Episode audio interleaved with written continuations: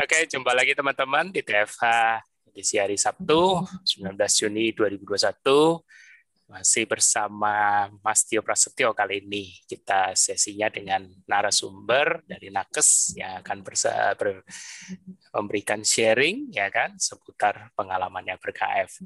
Sebelum kita kenalkan, saya mau sambut dulu Mas Tio. Halo Mas. Halo malam semua. Ya. hadir. Oh. Kayaknya wajah malamnya rame. Nih, Mas. Berapa? Hah? Wajah kekenyangan iya. nih tahu. Emang jadi teletan. Moga Mas diperkenalkan siapa narasumber kita ke semalam hari ini. Hmm. Udah masuk ya Malana ya? Sudah. Sudah, sudah. Nah. Oke, malam semuanya. Malam ini uh, narasumber kita namanya Mbak Lana Unwana. Menurut infonya, uh, Mbak Lana juga masih baru Uh, benar kan Mbak? Masih belum lama kan KF-nya? Betul, betul masih ya, baru hari nah, kedua, jadi, hari kedua Lebaran. Hmm. Hari kedua, oh hari kedua Lebaran kemarin ya? Ya, betul. Ah, nah, mudah-mudahan nih dari Mbak Lana kita juga nanti selain dapat ceritanya, kita juga dapat banyak pertanyaan yang mewakili newbie yang bisa aku bantu jawab nanti yang masih ya namanya baru kan pasti kan banyak juga pertanyaan-pertanyaan kan Mbak. Walaupun Mbak udah merasakan mungkin nanti diceritanya aku juga nanti biar Mbak Rana cerita sendiri apa yang dirasakan. Terus nanti mungkin untuk sebagai ini kan kan Mbak Rana tahu sendiri ini kan lifestyle gaya hidup. Tapi sebagian orang mungkin berpikir hanya untuk diet sesaat. Nah nanti mungkin untuk meyakinkan Mbak Rana supaya oh move forwardnya gimana atau langkah-langkahnya gimana apalagi dari sisi seorang nakes pertanyaan-pertanyaan yang yang masih belum terjawab mungkin sama ini nanti uh, apa namanya boleh ditanyakan ke aku juga jadi biar kita diskusi bareng dan semoga ilmu yang aku jabarkan nanti bisa buat rame-rame juga bagi para newbie yang ikut nonton nantinya ini kan juga bisa ditonton nanti setelah acara via YouTube kan ya. Oke, sekarang kita lanjut ke Mbak Lana nih. Uh, Mbak Lana, uh, kita mau minta ceritanya nih. Sorry, Mbak Lana pakai slide nggak nih hari ini? Enggak, enggak. Saya sharing-sharing aja Mas Tio. Ya, ya. siap. Oke, okay, apa. Jadi jadi nanti kita uh, biasanya kita nanyanya gini nih, nanyanya pengalaman dari mulai awalnya kenal KF dari mana, terus uh, siapa, siapa yang ngasih tahu mungkin ya, terus uh, kesulitannya apa di awal, kendalanya, alasan melakukannya apa di awal jika ada, terus uh, perbaikannya jika sudah ada yang dirasakan perubahannya, terus respon dari keluarga atau lingkungan atau sejawat mungkin nah itu bisa diceritakan ke hmm. kita mudah-mudahan uh, sharingnya bisa bantu menginspirasi banyak orang dan termasuk member KF yang masih baru juga saat ini. Monggo Mbak dilanjut. Ya, Uh, terima kasih Mas Tio, Mas Bobi. Bismillahirrahmanirrahim. Assalamualaikum warahmatullahi wabarakatuh. Waalaikumsalam. Uh, selamat malam Mas Tio, uh, Bobi dan teman-teman uh, semua, rekan-rekan semua. Senang sekali saya uh, malam ini bisa uh, bersama-sama dengan teman-teman semua. Walaupun sebetulnya di awal uh, saya dihubungi Mas Tio tuh saya nggak pede banget ya Ih, ngapain anak baru kok suruh jadi narasumber gitu? Apa nih yang mau saya bicarakan gitu? Tapi kemudian Mas Tio uh, menjelaskan bahwa ini sharing aja kok Mbak gitu ya. Uh, baik uh, mudah-mudahan ini bermanfaat bagi saya sendiri maupun juga bagi teman-teman yang lain. Amin. jadi sebetulnya uh, saya sudah tahu tentang uh, KFLS ini sudah cukup lama uh, Mas Tio. Jadi saya gabung di grup itu juga sudah cukup lama. Kebetulan ada di grup FB Iya di di grup FB itu saya sudah lama gitu loh sudah sempat baca-baca oh. sudah sempat pengen gitu baca cerita-cerita tapi tahun berapa mbak tadi dari tahun berapa Ikutnya ya hidup. mungkin 2018 mungkin ya udah cukup oh, lama, udah lama gitu. ya Ya, cuman oh. mungkin belum dapat hidayah aja kali ya. Iya, nggak apa-apa. gitu. Nah, eh, kebetulan ada salah satu teman kantor, walaupun beda beda gedung gitu ya, tetapi sesama dokter. Dulu pernah kita bersama.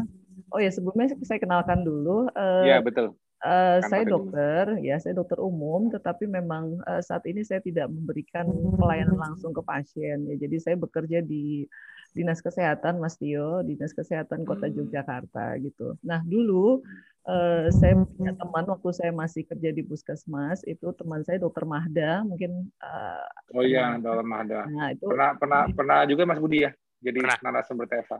Pernah, ya, pernah. jadi kami pernah pernah bersama itu di satu puskesmas selama kurang lebih tiga tahun. Kemudian sekitar 2018 itu saya dengar-dengar uh, dia KF. Ya saya sempat tanya-tanya apa sih gitu KF. Terus coba mbak, coba mbak gitu sampai dikasih visi. Oh waktu itu satu botol, cobain deh, cobain. Cuman waktu itu ya itu tadi namanya belum belum dapat hidayah ya, ya belum, bergerak gitu ya. Oh, iya. Akhirnya ya sering lihat postingan gitu teman-teman dan uh, saya nggak tahu kenapa kemarin pas hari Lebaran itu uh, satu Sawal ya, saya ingat satu Sawal hari Lebaran.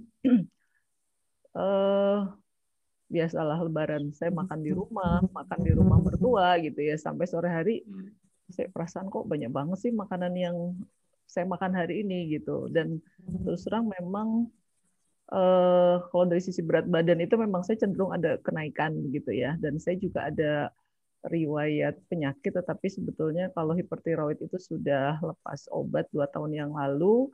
Tapi kemudian ada apa ya kalau masyarakat awam bilangnya uh, gangguan di leher itu uh, saraf kejepit kalau masyarakat umum bilang ya. Jadi ada hmm. cervical syndrome itu mulai terasa sekitar Juli tahun kemarin, kemudian saya sempat fisioterapi mulai Oktober, Oktober sampai menjelang Lebaran itu saya sempat fisioterapi.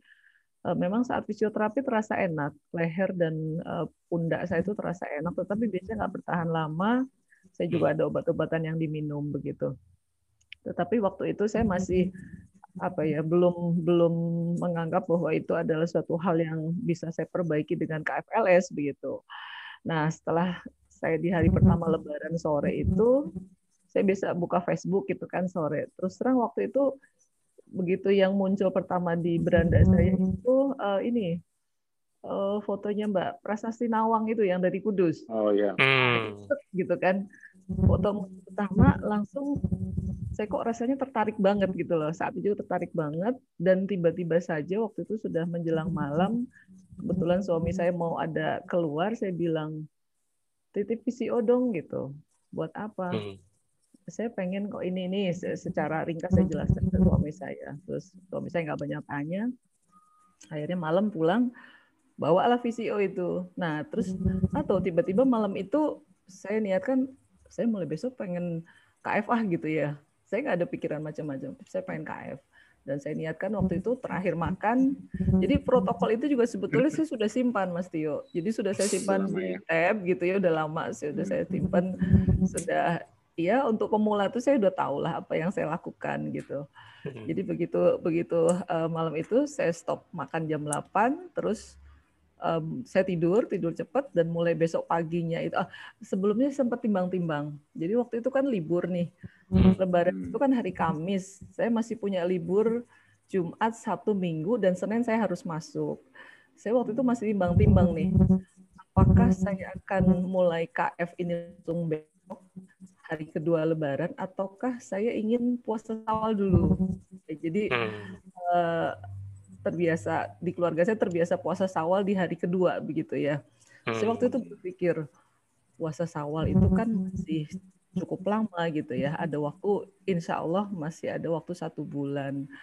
Hmm. Tetapi uh, saya ingin dan saya sempat terbayang HC-nya. Terus sekarang saya terbayang HC kan saya baca katanya hari kedua, ketiga, empat tuh bisa jadi HC. Nah, saya waktu itu berpikir saya masih ada libur tiga hari nih. Jadi kalau saya mulai di hari kedua Lebaran, maka saat perkiraan saya HC itu di hari kedua, tiga, empat tuh kan saya masih libur tuh di rumah gitu kan. Jadi hmm. ah saya putuskan Bismillah, saya mulai mulai hari kedua uh, untuk puasa sawalnya. Saya pikir nanti setelah badan saya adaptasi dengan uh, pola lifestyle KF hmm. ini setelah sekitar satu minggu dua minggu gitu saya saya tetap niatkan untuk puasa sawal gitu akhirnya Bismillah waktu itu saya mulai. Dan uh, pagi itu jelas saya sudah nggak sarapan gitu. Terus suami nanya kenapa mah? Ya saya sampaikan aja. Uh, nggak ada reaksi yang berlebihan, tidak ada reaksi uh, penolakan juga, artinya semua mendukung anak-anak. Betul anak-anak saya sudah besar-besar, jadi uh, yang satu sudah lulus, yang dua sudah, yang kedua udah kerja, yang ketiga juga sudah SMA, hanya yang kecil memang masih SD, anak saya empat. Mereka nanya, Mama diet apa gitu? Mau sampai kapan Mama diet? Ya saya jelaskan, ini sudah diet gitu ya. Terus ya udahlah mereka mendukung aja. Jadi makannya apa? Enggak, ini belum makan. Nanti sampai jam 12 siang ini baru makan. Nanti jam 12 siang apa? Apa aja yang ada. Yang penting hewani. Gitu. Yang gampang kan apa? Telur ya. Telur di kulkas kan selalu ada gitu. Nah ini udah. Eh, dan pagi itu saya mulai minumlah VCO mulai minum VCO, saya mulai perbanyak minum. Nah, saya WA ke Mbak Mahda. Saya bilang, eh Jeng, aku KF loh mulai hari ini gitu. Oh, ya, dia bilang gitu. Kok tiba-tiba nggak ada angin, nggak ada hujan, apa ini Mbak Lana gitu. Enggak pengen aja gitu. Ya, akhirnya disemangati kemudian ini ini ini ini ya ngasih. Udah ada mentornya belum? Belum, tak bilang. Dirimu aja deh jadi mentorku ya. Iya. Madanya ada nggak ini? Mada. Saya nggak tahu. Oh iya, Mbak Mada datang nggak? Kayaknya belum. Belum, Kayaknya belum, belum. ya. Uh, Mesti dia kasih tahu di grup Medcon tuh supaya muncul. Waktu itu udah ada mentornya belum gitu. Kalau yang belum, Belum. tahu ini Mbak Mahda nih. Belum tahu. Oh iya, itu. Ya. bulan apa ya, Mbak? Ma- Masih kan nggak mas bulan apa tuh waktu itu Mbak Mada di wawancara di Itu TFH bulan apa ya? Agustus 2020. Agustus 2020 ya. Uh, Awal tahun kemarin ya. Iya tahun kemarin. Lanjut, Ya. lanjut Walana. ya.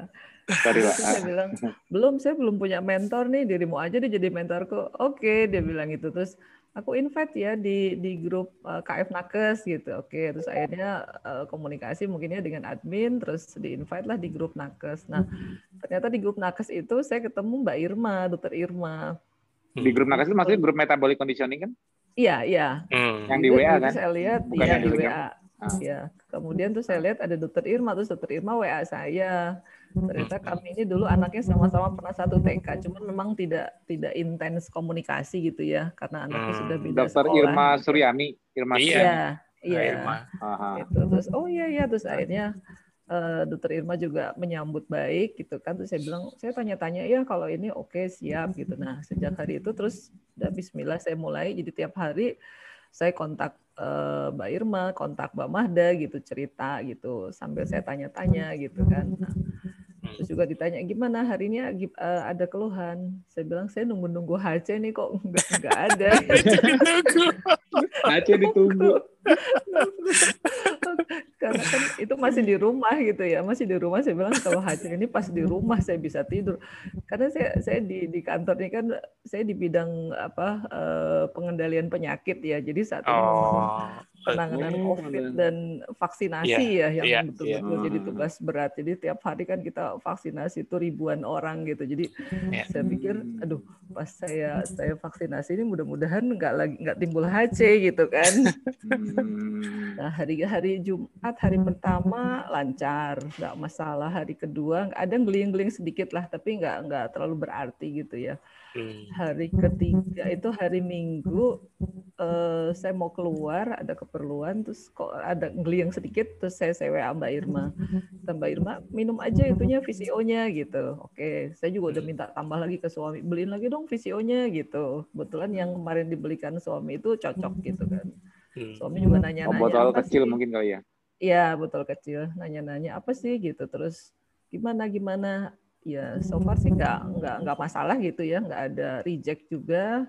eh, bisa menerima gitu keluarga juga anak-anak. Orang tua kebetulan saya ada orang tua juga di rumah nggak nggak nggak masalah gitu ya. Maksudnya nggak ada yang menentang apa semua eh, boleh dibilang mendukung gitu walaupun memang belum belum mengikuti tapi sejauh ini tidak melarang gitu. Nah terus sudah mulai Senin saya mulai masuk tuh mulai kantor Senin Selasa Rabu saya mulai vaksinasi lagi tuh. Nah itu kan kita lumayan capek itu kadang sehari kita 2000 2000 sasaran ya buat vaksinasi itu. Ketemu Mbak Hmm. Mahda itu. Gimana Mbak? Iya nih aku nih pokoknya ke mana-mana dalam tas ini ada VCO botol itu di meja di ruang kerja ada di dalam tas ada. Pokoknya yang penting jangan sampai eh, geliang-geliang terus kayak lapar itu pokoknya harus langsung minum VCO gitu. Sebanyak mungkin minum VCO sama botol minum udah terus mulai hari keberapa ya uh, mulai cek-cek gula darah itu mungkin sekitar hari ketiga hari ketiga itu GDP pagi masih 97 kalau nggak salah ya 97 terus tiga hari kemudian cek lagi tuh wah sudah di bawah 80 tuh. Nah, biasa tuh saya pamer kan, saya pamer ke Hari ke berapa? Hari ke berapa tadi hari ke Irma. Tiga hari setelah cek gula darah. Tiga hari Pertama. masih sembilan sembilan puluhan, masih sembilan tujuh. Yang di bawah di bawah 80? Enam hari. Kita satu minggu, sekitar satu, satu minggu. minggu. Oh, ya. ya terus pamer deh ke, ke ke dokter Irma ke Mbak Mahda itu ini aku weh gitu selamat selamat saya berpikir wah berarti kayaknya sudah sudah tepat lah gitu yang yang saya lakukan ah, gitu jadi ya adaptasinya bagus ya adaptasi alhamdulillah bagus nah hanya memang eh, saya itu yang tadi yang leher yang masalah leher saya karena memang itu sering terasa nyeri jadi sih namanya apa obat gosok ya, mohon maaf saya nyebut merek counterpain. Hmm, ya apa-apa. Hmm. Counterpain yang gede itu, itu selalu ada di tas tuh biasanya. Hmm. Karena sering kali saya merasa uh, uh, leher dan tengkuk pundak ini sakit gitu ya, sakit sekali. Hmm. Nah di di hari-hari seminggu pertama itu kalau nggak salah saya sempat merasakan sakit yang luar biasa sampai saya minta anak saya ikut uh, membantu mengoleskan counterpain dan memijat leher, pundak, punggung saya itu Hmm. Tapi saya tidak berpikir waktu itu itu HC atau apa ya, cuman oh, kayaknya uh, kerasa lagi nih gitu. Tapi tuh setelah itu sekitar mulai minggu kedua sampai sekarang itu alhamdulillah tuh hilang itu Mas Tio. Tapi ada, hilang. sorry, sorry Mbak, ya. sebelum ya. lanjut tadi begitu Mbak yang ngerasain apa tadi muncul gejala yang sakit banget, yang ya. sakit itu itu di, ya. di hari ke di minggu pertama ya apa minggu kedua? Di, di minggu pertama, di minggu pertama. Minggu tapi pertama. saya waktu itu nah, saya waktu itu belum berpikir itu HC gitu. Saya pikir ya, itu cuma nyeri-nyeri pundak biasa. Nggak enggak di minggu pertama itu Mbak nggak juga nggak kalau tidurnya merasa lebih enak terus apa namanya maksudnya tidurnya lebih pulas nggak? Rasa lebih pulas dari minggu pertama itu? Iya, jadi memang kan uh, di, di pedoman kan ada tidur jangan terlalu malam gitu ya. Jadi saya berusaha oh. menepati tidur jam 9 gitu kan enak memang pagi itu terasa lebih seger gitu. Cuman satu yang terasa dalam satu minggu pertama itu tadi yang kerasa, yang rasanya sakit banget gitu.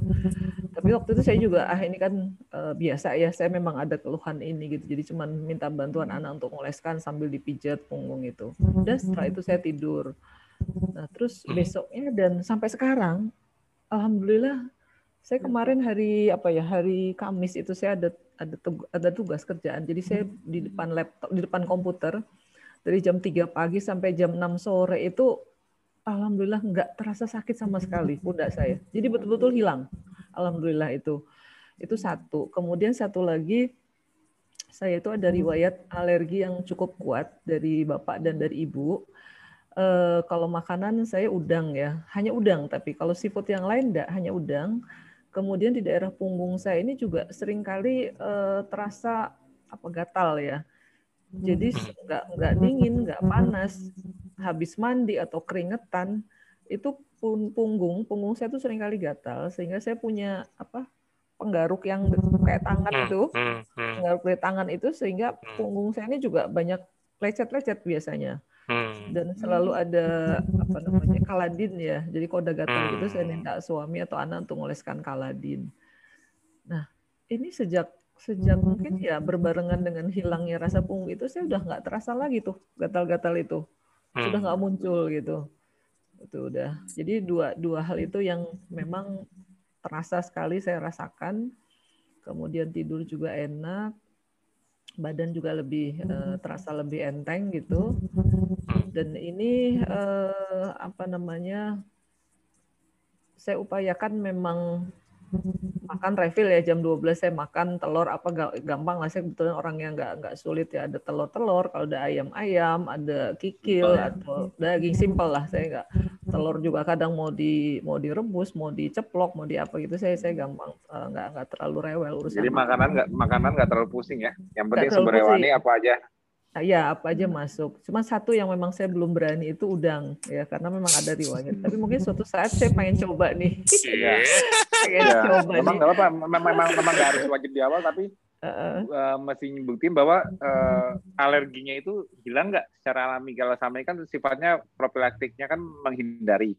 Tapi yeah. memang memang nanti dicoba tapi jangan langsung banyak banyak yeah. aku pengen tahu jadi kalau kalau jadi masalah alergi itu kan berhubungan dengan usus. Jadi kalau kita mau membuktikan benar nggak setelah setelah kita KF ini integritas usus kita membaik alergi alergi turun yeah. benar nggak? Gitu ya tadi ya sebelum hmm. gitu nah itu nanti mbak boleh yang buktiin. Karena kan banyak orang kan punya masalah pencernaan itu kan macam-macam. Dan itu problemnya itu kan di integritas ususnya permeabilitasnya meningkat. Nah aku justru mau nunjukin yang punya masalah GERD, masalah pencernaan dengan KF ini saat inflamasi semua diturunkan, memberikan ruang bagi usus untuk melakukan perbaikannya, usus halus dan usus besarnya melakukan perbaikannya, sehingga integritasnya makin bagus, masih ada nggak alerginya? Itu yang harus dibuktikan nantinya. Iya, suatu saat saya juga ada rencana ingin mencoba gitu ya. Tapi kalau nah, kalau sekarang masa adaptasi nggak perlu. Tapi biasanya sih proses ya. healingnya itu tiga enam bulan. Iya. Hmm. Ya, jadi uh, itu kemudian untuk alpukat sebetulnya saya di halaman rumah tuh ada pohon alpukat ya. Jadi kalau saat berbuah itu bisa sampai ratusan buahnya gitu ya. Cuma saat ini kan lagi nggak berbuah nih.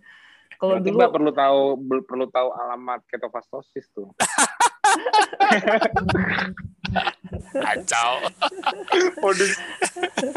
Dikirim ya. pohon aja, Mbak. Ya, di rumah ada ada pohon gitu. Dulu kan ada orang ada orang minta ya gitu. Jatuh apa silakan silakan. Nah, ini karena sekarang hmm. belum terlalu banyak buahnya, begitu ada yang jatuh itu langsung saya ambil gitu kan, saya amankan. Terus uh, kemarin dapat berapa? lima apa enam biji gitu ada suami saya nyogroi apa nyogroi ya apa ngambil gitu ya pakai pakai galah itu. Ada lima enam langsung saya amankan. Terus saya bilang ini ini buat mama semua. Ih mama nggak bagi-bagi gitu kata anak-anak. Loh kan kalian kan buahnya bisa macem-macem. Kalau mama saat yeah, ini kan buahnya alpukat gitu. Jadi nah, alhamdulillah sejauh ini anak-anak juga terus uh, memahami gitu Terus uh, apa ya selingan yang lain saya paling uh, ini apa? Cincau ya. Hmm. Cincau, ya, cincau, paling cincau itu cincau pakai uh, apa? Klatu ya, pakai klatu. Hmm, air itu. Oh, santan, santan. Nah, santan itu terus udah itu selingan makan itu nggak nggak rewel sih saya maksudnya makan tuh saya apa saja. Jadi saya paling selingan sekarang masih masih kemarin sudah tanya-tanya sih ada ada yang jual makanan kan di Jogja katanya siapa Mbak Eni apa siapa gitu.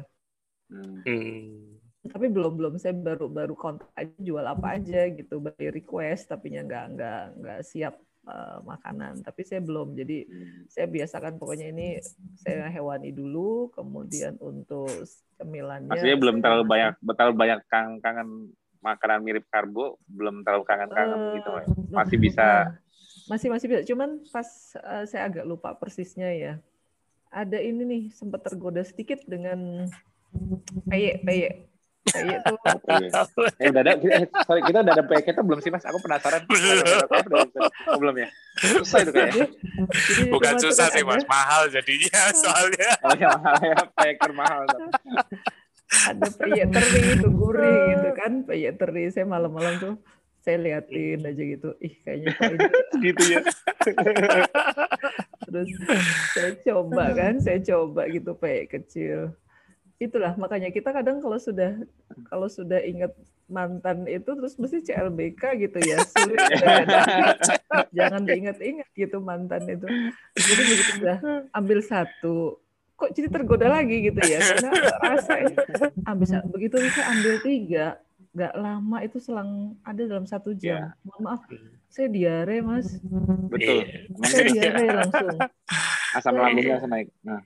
Wah, ini beneran ini saya cicing padahal baru itu gitu ya dan efeknya langsung gitu langsung langsung diare gitu itu tuh saya kap, hmm. kapok juga itu wah ini beneran nih kalau apa jangan coba-coba ngelirik mantan gitu nanti bisa CLBK gitu kan Terinya sih nggak masalah kayak tepungnya di pek itu yang iya, masalah. Iya, iya, iya tepung. Kan kalau pek itu banyak banyak tepung ya malah dibandingkan teri. Iya, kan? betul. betul. Makanya kalau CLBK ngomongin teri asin aja. gitu ya terus ya awal-awal sih sempat ini juga apa uh, cari ke kamar anak saya timbangan digital itu. Hmm. Jadi saya lihat itu ya ada sih sampai sekarang mungkin sekitar 5 kilo saya sudah turun gitu ya. Syukurlah. Oh, sorry tadinya berapa Mbak? Tadinya tadi kayaknya belum cerita beratnya. Saya 67 tadinya. Hmm. Oh, 67 sekarang jadi sekarang 62. 62 dalam kalau- dalam berapa? Ah. Dalam Eh, sekitar udah berapa bulan? tiga, tiga, 35 hari ya. 35 Sebulan. hari. Hmm. Sebulanan ya, sebulanan. ting- Tapi kalau- berarti Mbak nggak terlalu nggak terlalu overweight ya maksudnya tingginya berapa? Eh, enggak, tinggi saya 155. Cuma Oh, 155 155 dengan dengan apa 67 itu ya IMT-nya memang Ya, jelas lumayan. berlebih ya, berlebih Hmm. gitu. Terutama ya itu tadi daerah perut ya. Daerah perut. Cuman terus Mbak Manda bilang oh, nggak semata-mata ini loh Mbak, nggak semata-mata untuk menurunkan berat badan. Oh iya, nggak nggak apa-apa saya bilang gitu. Itu bonus aja Bonus. katanya. Iya, bonus. Kayak gitu. Tapi tetap lah kadang berapa hari sekali lari ketimbangan gitu kan. Training. Apa-apa, normal. apa biasa sama anak saya yang satu sama tiga itu kan udah sama-sama dewasa gitu. Mesti ayo mama cek gitu. Ayo biasa suka apa ejek-ejekan gitu. Oh. Tinggi berat siapa? Sekarang berat siapa? gitu. Oh ya saya umur umur saya 52 umur saya 52 tahun. Eh, anak saya yang besar udah berapa ya? Kiki itu 26 udah lagi S2 yang nomor dua, dua tiga udah lagi udah kerja, kemudian Oh, ngambil akhir- kedokteran juga tadi yang S2 ambil kedokteran juga. Oh enggak enggak Mas Tio. Di hukum di Oh. hukum Hmm. di hukum. Oh. ah, bel notariat. Kemudian yang berdua udah kerja udah lulus udah kerja. Nomor tiga itu eh, masih semester empat yang kecil Hmm. yang baru lulus SD nah itu kan yang tiga yang besar tuh udah udah kayak temen gitu ya jadi sudah kadang ukur ukuran berat badan lah terus eh, baju oh iya baju nih Wah, tuh lingkar bajunya, lingkar tubuhnya Iya. kelihatan banget pasti kalau di baju. pokoknya dari XL tuh sekarang udah L gitu kan terus Hmm. baju baju lama nih kayaknya udah mulai Bisa muat. Nah, terus eh, awal-awal paling dia di kantor sih saya cuma cerita aja ke waktu itu ada dua teman pas kita lagi diskusi di ruangan terus ayo makan-makan. Eh aku KF lo sekarang gitu. Kebetulan yang satu itu kan kenal sama Mahda anu ya kayak Hmm. Bu Mahda itu. Oh, oh, saya bilang gimana? Lapar Enggak sih, alhamdulillah biasa aja. Terus, oh ya sudah. Oh, Mbak Ma- Mbak Mada udah terkenal ya di kantor. Iya, oh ya, udah, udah dikenal. Dia udah dikenal kalau dia KF gitu lah. Udah dikenal di dinas kesehatan tuh dikenal kalau dia KF. Nggak ada nggak ada yang ngebully Mbak Mada kan? Dulu-dulu awal-awal, awal-awal kayak kok kurus banget gitu. Kok malah jadi hitam gitu kan. Kok malah jadi kusem gitu. Awal-awal ada ya lah yang kayak gitu gitu. Tapi sekarang sih kayaknya udah enggak. Jadi karena eh, Mahda udah duluan gitu. Jadi begitu saya ini kayaknya juga teman-teman nggak nggak ada kemarin juga Kata tanya gitu ya. Heeh. bulan sekarang katanya KF ya gitu. Kok tahu dari siapa? Kemarin Mbak Mada cerita katanya gitu. Oh iya gimana? Ya kelihatannya gimana? Saya bilang bisa biasa aja. Saya bilang gitu. Bikin orang kepo ya. gitu. Cuman akhirnya sekarang saya tiap tiap melihat orang gede gitu ya, langsung kepikir kamu nih harusnya KF gitu loh. Sama. Semua orang semua orang pada kayak gitu yang udah kayak pada pengen pada Iya. jadi gemes di jalan orang gitu di jalan bisa lihat gitu tengok kiri lagi itu ih gemuk banget kamu nih harusnya KFD gitu kan langsung gitu. Tapi suami juga kayaknya mulai tertarik tapi dia belum berani sih masih Kalau suami beratnya normal. Oh enggak juga Eh, suami saya juga 170 beratnya ya tingginya Oh, 170 Tingginya kalau tingginya nah, 170 biasa. beratnya 80 Oh, apa ya mungkin 86 87 cuman memang di perut masalahnya ya ya Hmm. begitu. Hmm. karena Nah. sama-sama udah usia di atas 50 gitu Ya berarti jadi- suami suami kalau 170 sama kayak aku tuh. Eh, targetnya Mm. berarti sama kayak berat badan Mbak dulu 67. Aku 67 67 ya. 68. Uh, Hmm. cuman uh, baru-baru ngurangi aja ngurangi ngurangi nasi gitu kan. Kalau malam cuman ikut-ikutan makan ikan apa ayamnya aja gitu. Tapi Oh, lauk, kalau malam makan lauk aja gitu ya. ya belum berani. Betul-betul nggak belum bisa ekstrim kayak mama gitu kan. Belum bisa ekstrim. Saya dibilangnya ekstrim. Cuman ya paling awal-awal goda karena tahu saya seneng banget apa durian gitu ya durian montong itu kalau datang. Waduh. durian montong gitu. Enggak saya bilang enggak. Yang penting stok alpukat jangan diganggu gugat saya bilang. Iya. Terus kalau cincau sih ibu saya ibu saya ada di rumah ya ibu saya usia 85 itu kan sering belanja di tukang sayur. Cincaunya masih ada nggak? Gitu. Masih bu masih dua potong besar itu. Nih kalau cincaunya udah habis belum? Mau pesan lagi nggak? Gitu. Jadi selalu justru malah selalu mengingatkan gitu. Alhamdulillah hmm. sih nggak ada nggak ada maksudnya nggak ada apa eh, hambatan gitu yang menentang melarang itu kayaknya nggak ada.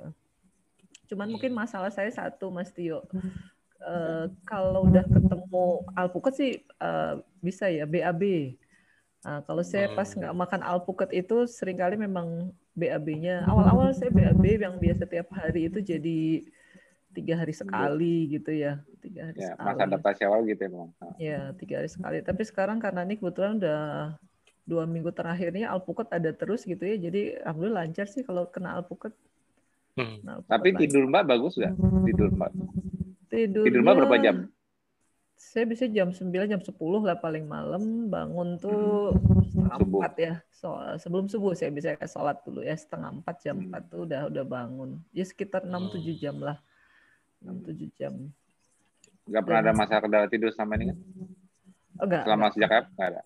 Enggak ada, enggak ada alhamdulillah. Uh, lancar-lancar aja. Cuman itu tadi yang terasa sampai sampai sih sampai betul-betul udah udah nggak terasa nih ini ya uh, leher sama enggak saya bilang. uh, saya dulu kan punya neck collar juga, neck collar jarang saya pakai juga karena uh, apa rasanya menghambat gitu ya.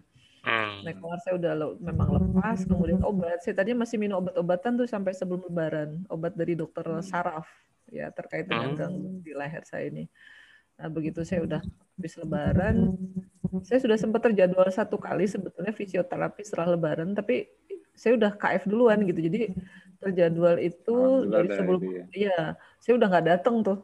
Udah nggak datang di jadwal yang satu minggu setelah lebaran tuh udah saya udah nggak ke fisioterapi lagi. Udah nggak hmm. udah nggak terasa obat-obatan juga udah ada uh, obat saraf tuh ada alpentin, ada analgetiknya juga, uh, racikan analgetiknya banyak tuh isinya. Kemudian ada satu lagi itu mekobalamin. Itu udah sekarang udah udah sama sekali nggak saya makan. Alhamdulillah saya kemarin terakhir hari Kamis kemarin tanggal 17 ada tugas yang harus saya kerjakan di depan komputer. Jadi dari jam 3 subuh itu sebelum subuh sampai maghrib, alhamdulillah Biasanya saya di depan komputer gitu kerja gitu depan komputer aja berapa jam aja udah rasanya udah uh, leher nih kayaknya udah harus ambil ini, ambil apa? counterpan tadi. Jadi dulu counterpan hmm. itu di kantor ada, di dalam tas ada, di rumah. Saya beli yang besar itu yang paling besar yang harganya 100 berapa puluh ribu itu. Hmm. Itu bisa masih kosok kosok kosok kosok kosok kosok kosok. Sekarang alhamdulillah.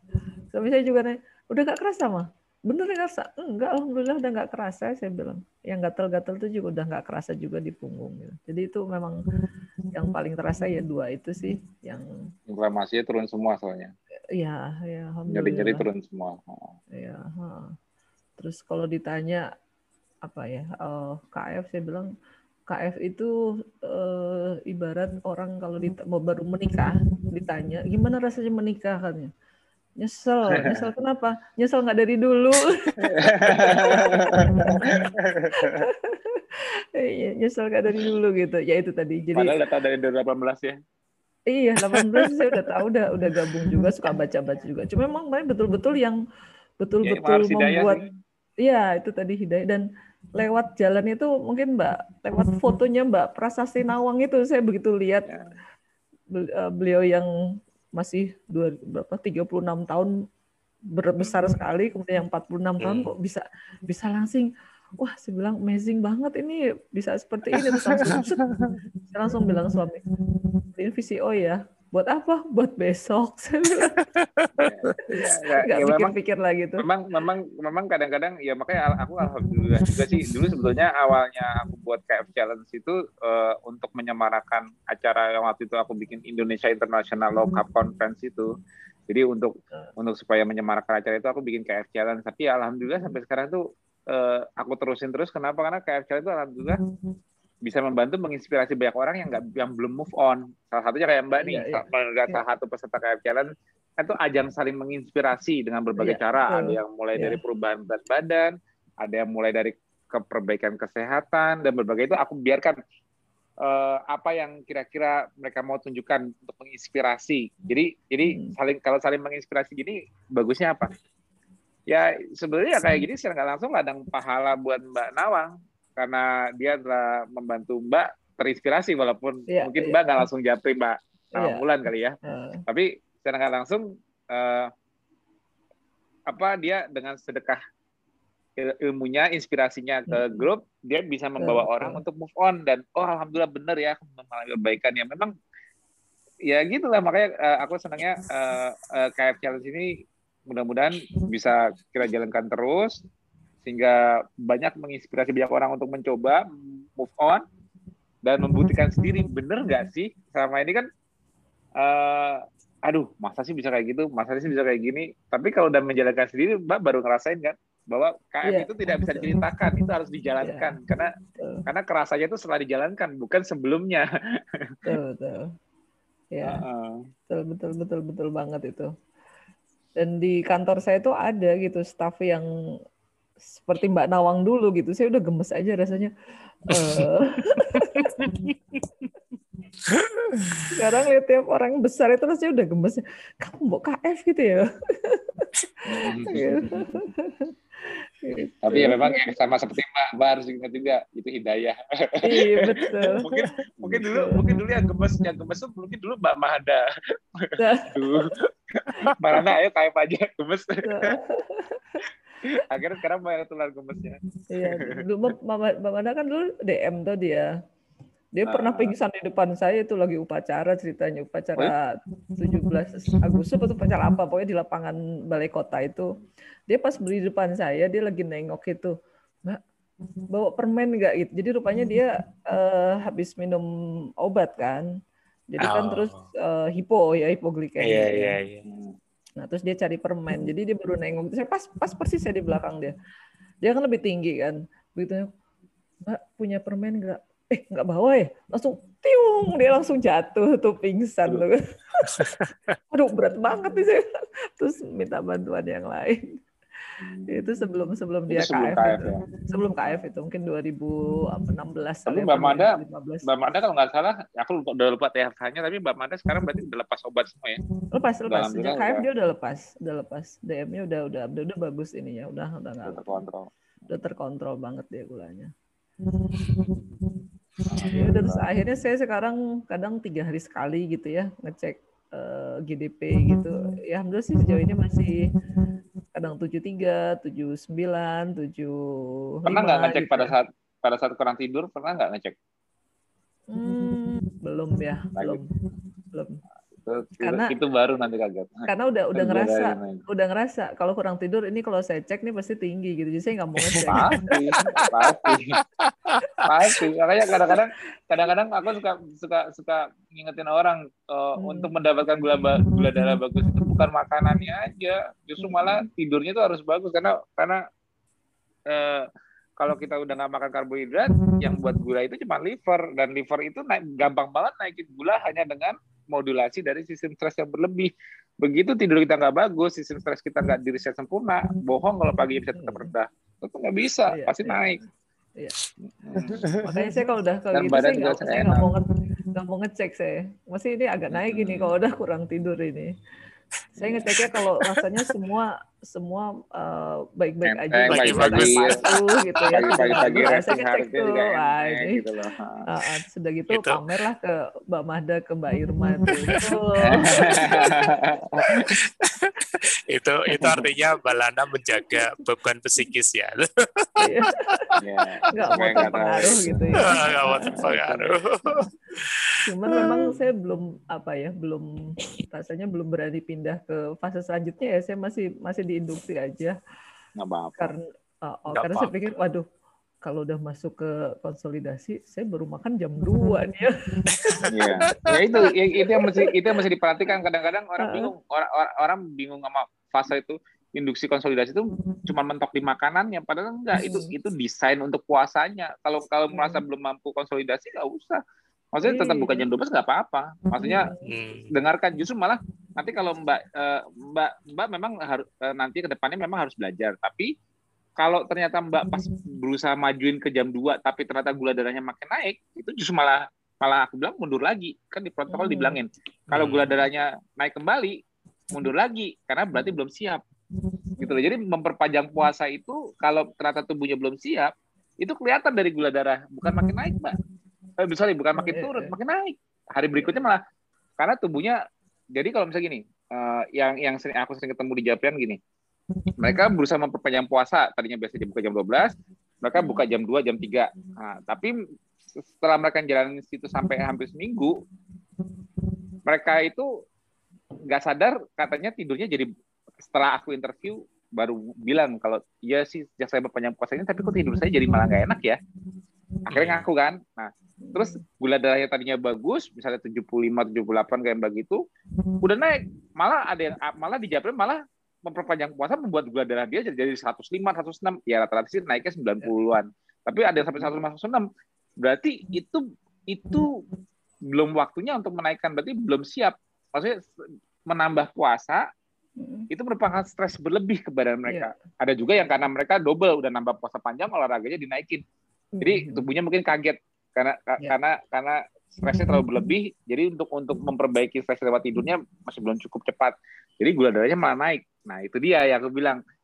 Gula darah itu bisa digunakan untuk acuan kita maju ke fase berikutnya. Artinya apa?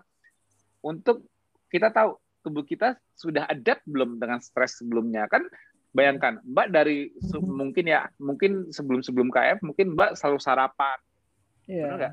Nah, yeah. begitu KF nggak sarapan aja, itu udah stres ke badan kan? Saya istilahnya yeah. dari suatu kenyamanan melepas kenyamanan berarti kan memberikan stres lebih dari orang nggak pernah olahraga saat olahraga itu kan juga stres. Makanya bukan stres. makanya itu, itu makanya itu yang selalu aku bilang ke orang. Orang-orang selalu menganggap puasa itu sehat, olahraga itu sehat. Jangan salah persepsi. Secara fisiologi itu usaha sehat, bukan sehat. Dengan puasa kita berusaha untuk lebih sehat. Betul. Dengan olahraga kita berusaha untuk lebih, sehat. Betul. Jadi dua jenis tipe ini ialah effort untuk sehat. Kebanyakan orang nanti mikirnya malah oh supaya lebih sehat aku gedein effortnya tapi mereka lupa begitu mengganggu zona untuk membayar effortnya dengan perbaikan atau pembentukan resistansi yang dihasilkan misalnya gini kalau aku olahraga hari ini ngangkat beban sekian pada saat aku biasanya cuma ngangkat 5 kilo terus aku ngangkat 10 kilo pasti kan aku kan memberi kerusakan lebih. Tadinya aku sudah memiliki resistansi terhadap 5 kilo, aku tambahin 100 kilo, eh sorry, dari resistansi aku punya 5 kilo itu enteng, aku coba ngangkat 10 kilo, pasti kan stres dulu kan, sakit kan, hmm. bisa pun lebih sakit kan.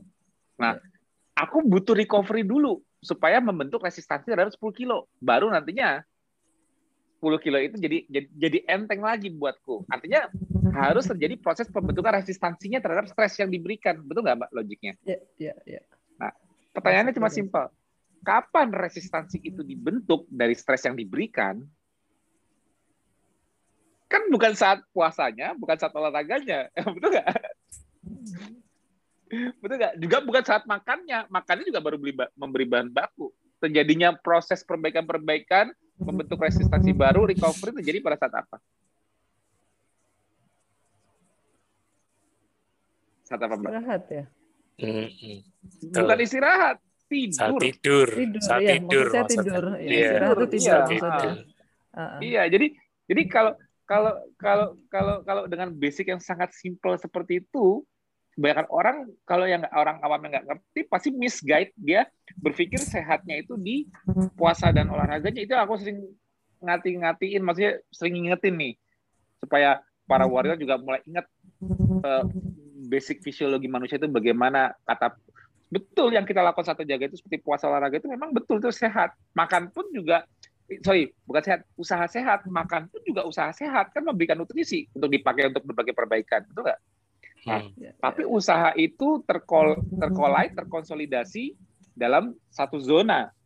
Zona apakah itu? Itu yang itu. Jadi begitu mbak menambah di protokol misalnya ah aku mau maju ke konsolidasi aku udah fit nih gula darahku udah bagus nih udah, berarti berarti dengan mbak eh, coba mbak lihat mbak butuh waktu dua minggu untuk membuat gula darahnya lebih rendah di bawah 80, betul nggak? Yeah. Artinya yeah. Mbak butuh waktu dua minggu untuk coping, untuk coping dengan stres tidak sarapan doang, baru tidak sarapan yeah. tuh Mbak. Ya. Dengan Mbak tidak sarapan, gula darah Mbak tadinya sekian, terus akhirnya pelan-pelan dengan pola yang sama turun ke bawah bawah apa, 80 dengan tanpa gejala. Jadi jadi walaupun terkesan hipoglikemia tapi karena Mbak ketotik, ketosis, jadi nggak ada neuroglikopenia. Artinya Hmm. hipoglikemia yang tidak bergejala, Ya. ya kan? Artinya Mbak adapt. Artinya artinya liver Mbak itu membuat gulanya tidak setinggi dulunya. Kenapa? Karena tidak ada demand stres berlebih. Jadi gini, Hmm. kenapa desainnya di bawah 80? Karena itu aku menunjukkan baseline gluconeogenesis. Jadi eh, ini sorry nih agak teknikal. Mumpung aku jelasin boleh ya, Mbak? Apa-apa, Jadi gini, Jadi liver itu kalau kenapa aku bilang nggak ada gula esensial dari makanan, entah itu dari karbohidrat kan fungsi karbohidrat itu sebenarnya cuma memberikan gula ke tubuh kita. Mbak mau bilang ubi, singkong, kentang, beras apa pun itu kan cuma nama. Kalau udah di darah namanya apa? Gula bukan? Glukosa. Betul. glukosa. Glukosa kan? Nah, Hmm. jadi kalau kalau kalau udah jelas Mbak nggak makan karbo, gulanya nggak nol, berarti tubuh kita secara mandiri bisa bisa membutuhkan bisa Betul. menyediakan semua demand yang dibutuhkan untuk kebutuhan gulanya sendiri Ya. di dalam tubuh, benar nggak? Ya. Jadi kalau kalau gula nggak esensial dari makanan, tapi bukan berarti gula nggak esensial di dalam tubuh. Gula penting non dalam tubuh. Nggak boleh gula darah kita nggak ada sama sekali, ya kan? Tapi tidak Hmm. esensial dari makanan karena kita punya liver. Nah, liver itu pabrik gulanya manusia yang memberikan gula secara demand driven sesuai permintaan. Nah, permintaan Mbak itu kenapa di bawah 80? Karena secara fisiologinya gini. Liver itu dalam memenuhi permintaannya dia memiliki dua, dua, dua faktor yang bisa membuat produksi gula atau gluconeogenesis disebutnya. Satu, basic baseline menjaga glikemia supaya tidak hipoglikemi, tidak terlalu hipoglikemia. Jadi dia kerjasamanya dengan insulin. Nah, ini kerjasama antara dua sel beta dan alfa. Ini, ini ini untuk menentukan basic gluconeogenesis. Itu dilakukan oleh hormon yang namanya glukagon. Jadi sekarang ini Mbak punya gula darah 80 berapapun itu, itu ialah baseline dari modulasi glukagon tok. Mungkin ada kortisol tapi nggak banyak. Tapi begitu Mbak kurang tidur atau ada stres berlebih di badan yang tidak tercover lewat tidurnya atau ada ada inflamasi di tubuh, itu kan merupakan demand, Mbak. Benar nggak? Ada demand berlebih, ada negatif balance yang harus dipenuhi. Nah, cara tubuh untuk coping dengan permintaan berlebih ini ialah meningkatkan sistem stresnya, yaitu kalau HPA aksisnya ialah via kortisol. Tercermin dengan tembakan ke arah liver lewat via kortisol supaya memproduksi lebih banyak gula dari baseline gluconeogenesis. Baseline Mbak sekarang 70-an misalnya, begitu Mbak ada stres berlebih, kenapa itu bisa naik? Itu glukagonnya tetap sama. Dia counter dia counteract dengan insulin. Counteract dengan jaga glikemia. Kalau insulinnya turun, dia naik untuk jaga glikemia. Glukagon. Tapi untuk menambah lebih permintaannya, itu kortisolnya. Nah, jadi Mbak gluconeogenesisnya itu dimodulasi oleh stres berlebih. Dengan basic fisiologi seperti itu, Mbak bisa kebayangkan kalau kalau saya menambah puasa, tapi saya atau saya menambah olahraga, tapi ternyata tidur saya tidak cukup untuk merecovery stres yang saya berikan hari ini, tambahan stres, kira-kira gula darahnya bakal turun apa bakal naik dengan memperpanjang puasa atau memberikan olahraga? Bakal naik. Iya kan gampang kan? Itu kan kalau kita ngerti fisiologi itu gampang. Tapi kalau yang orang nggak ngerti, gimana ya gula darah saya supaya cepat turun? Saya tambahin puasa, saya tambahin olahraga biar cepat turun. Betul nggak kalau orang nggak ngerti gula Iya. fisiologi? Iya. Iya. Benar nggak? Itulah Betul. sebabnya kenapa di protokol aku bilang di poin 14-15 untuk pindah fase kalau misalnya naik lagi mundur lagi tujuannya Mundur apa lagi. supaya orang jangan tujuannya supaya apa pada saat kita menambahkan sesuatu kalau di protokol kan menambahkan puasa artinya berolahraga tapi ternyata gulanya naik lagi. Itu kenapa aku suruh mundur lagi? Kenapa? Karena menambahkan puasa itu stresnya bagi kamu kelebihan. Iya. nah gitu loh. Jadi jadi jadi jadi jadi justru malah mundur lagi. Bukannya malah oh nambah tuh oh berarti aku kurang panjang ya? Oh berarti kurang panjang.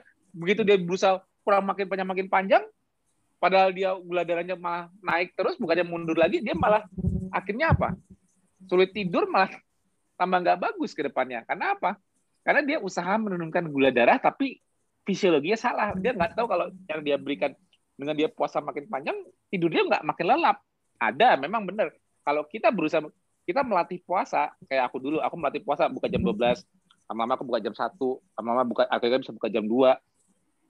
Itu memang harusnya normal respon dari stres yang aku berikan kayak gini. Ini kan tadi contohnya puasa ya, aku belajar naikin jam 1, naikin jam 2. Atau gini, aku samakan juga dengan dengan yang orang gampang mudeng nih. Kalau puasa takutnya nggak mudeng. Yang aku ya tadi ngangkat 5 kilo, ah aku coba ngangkat 7 kilo, ngangkat 10 kilo.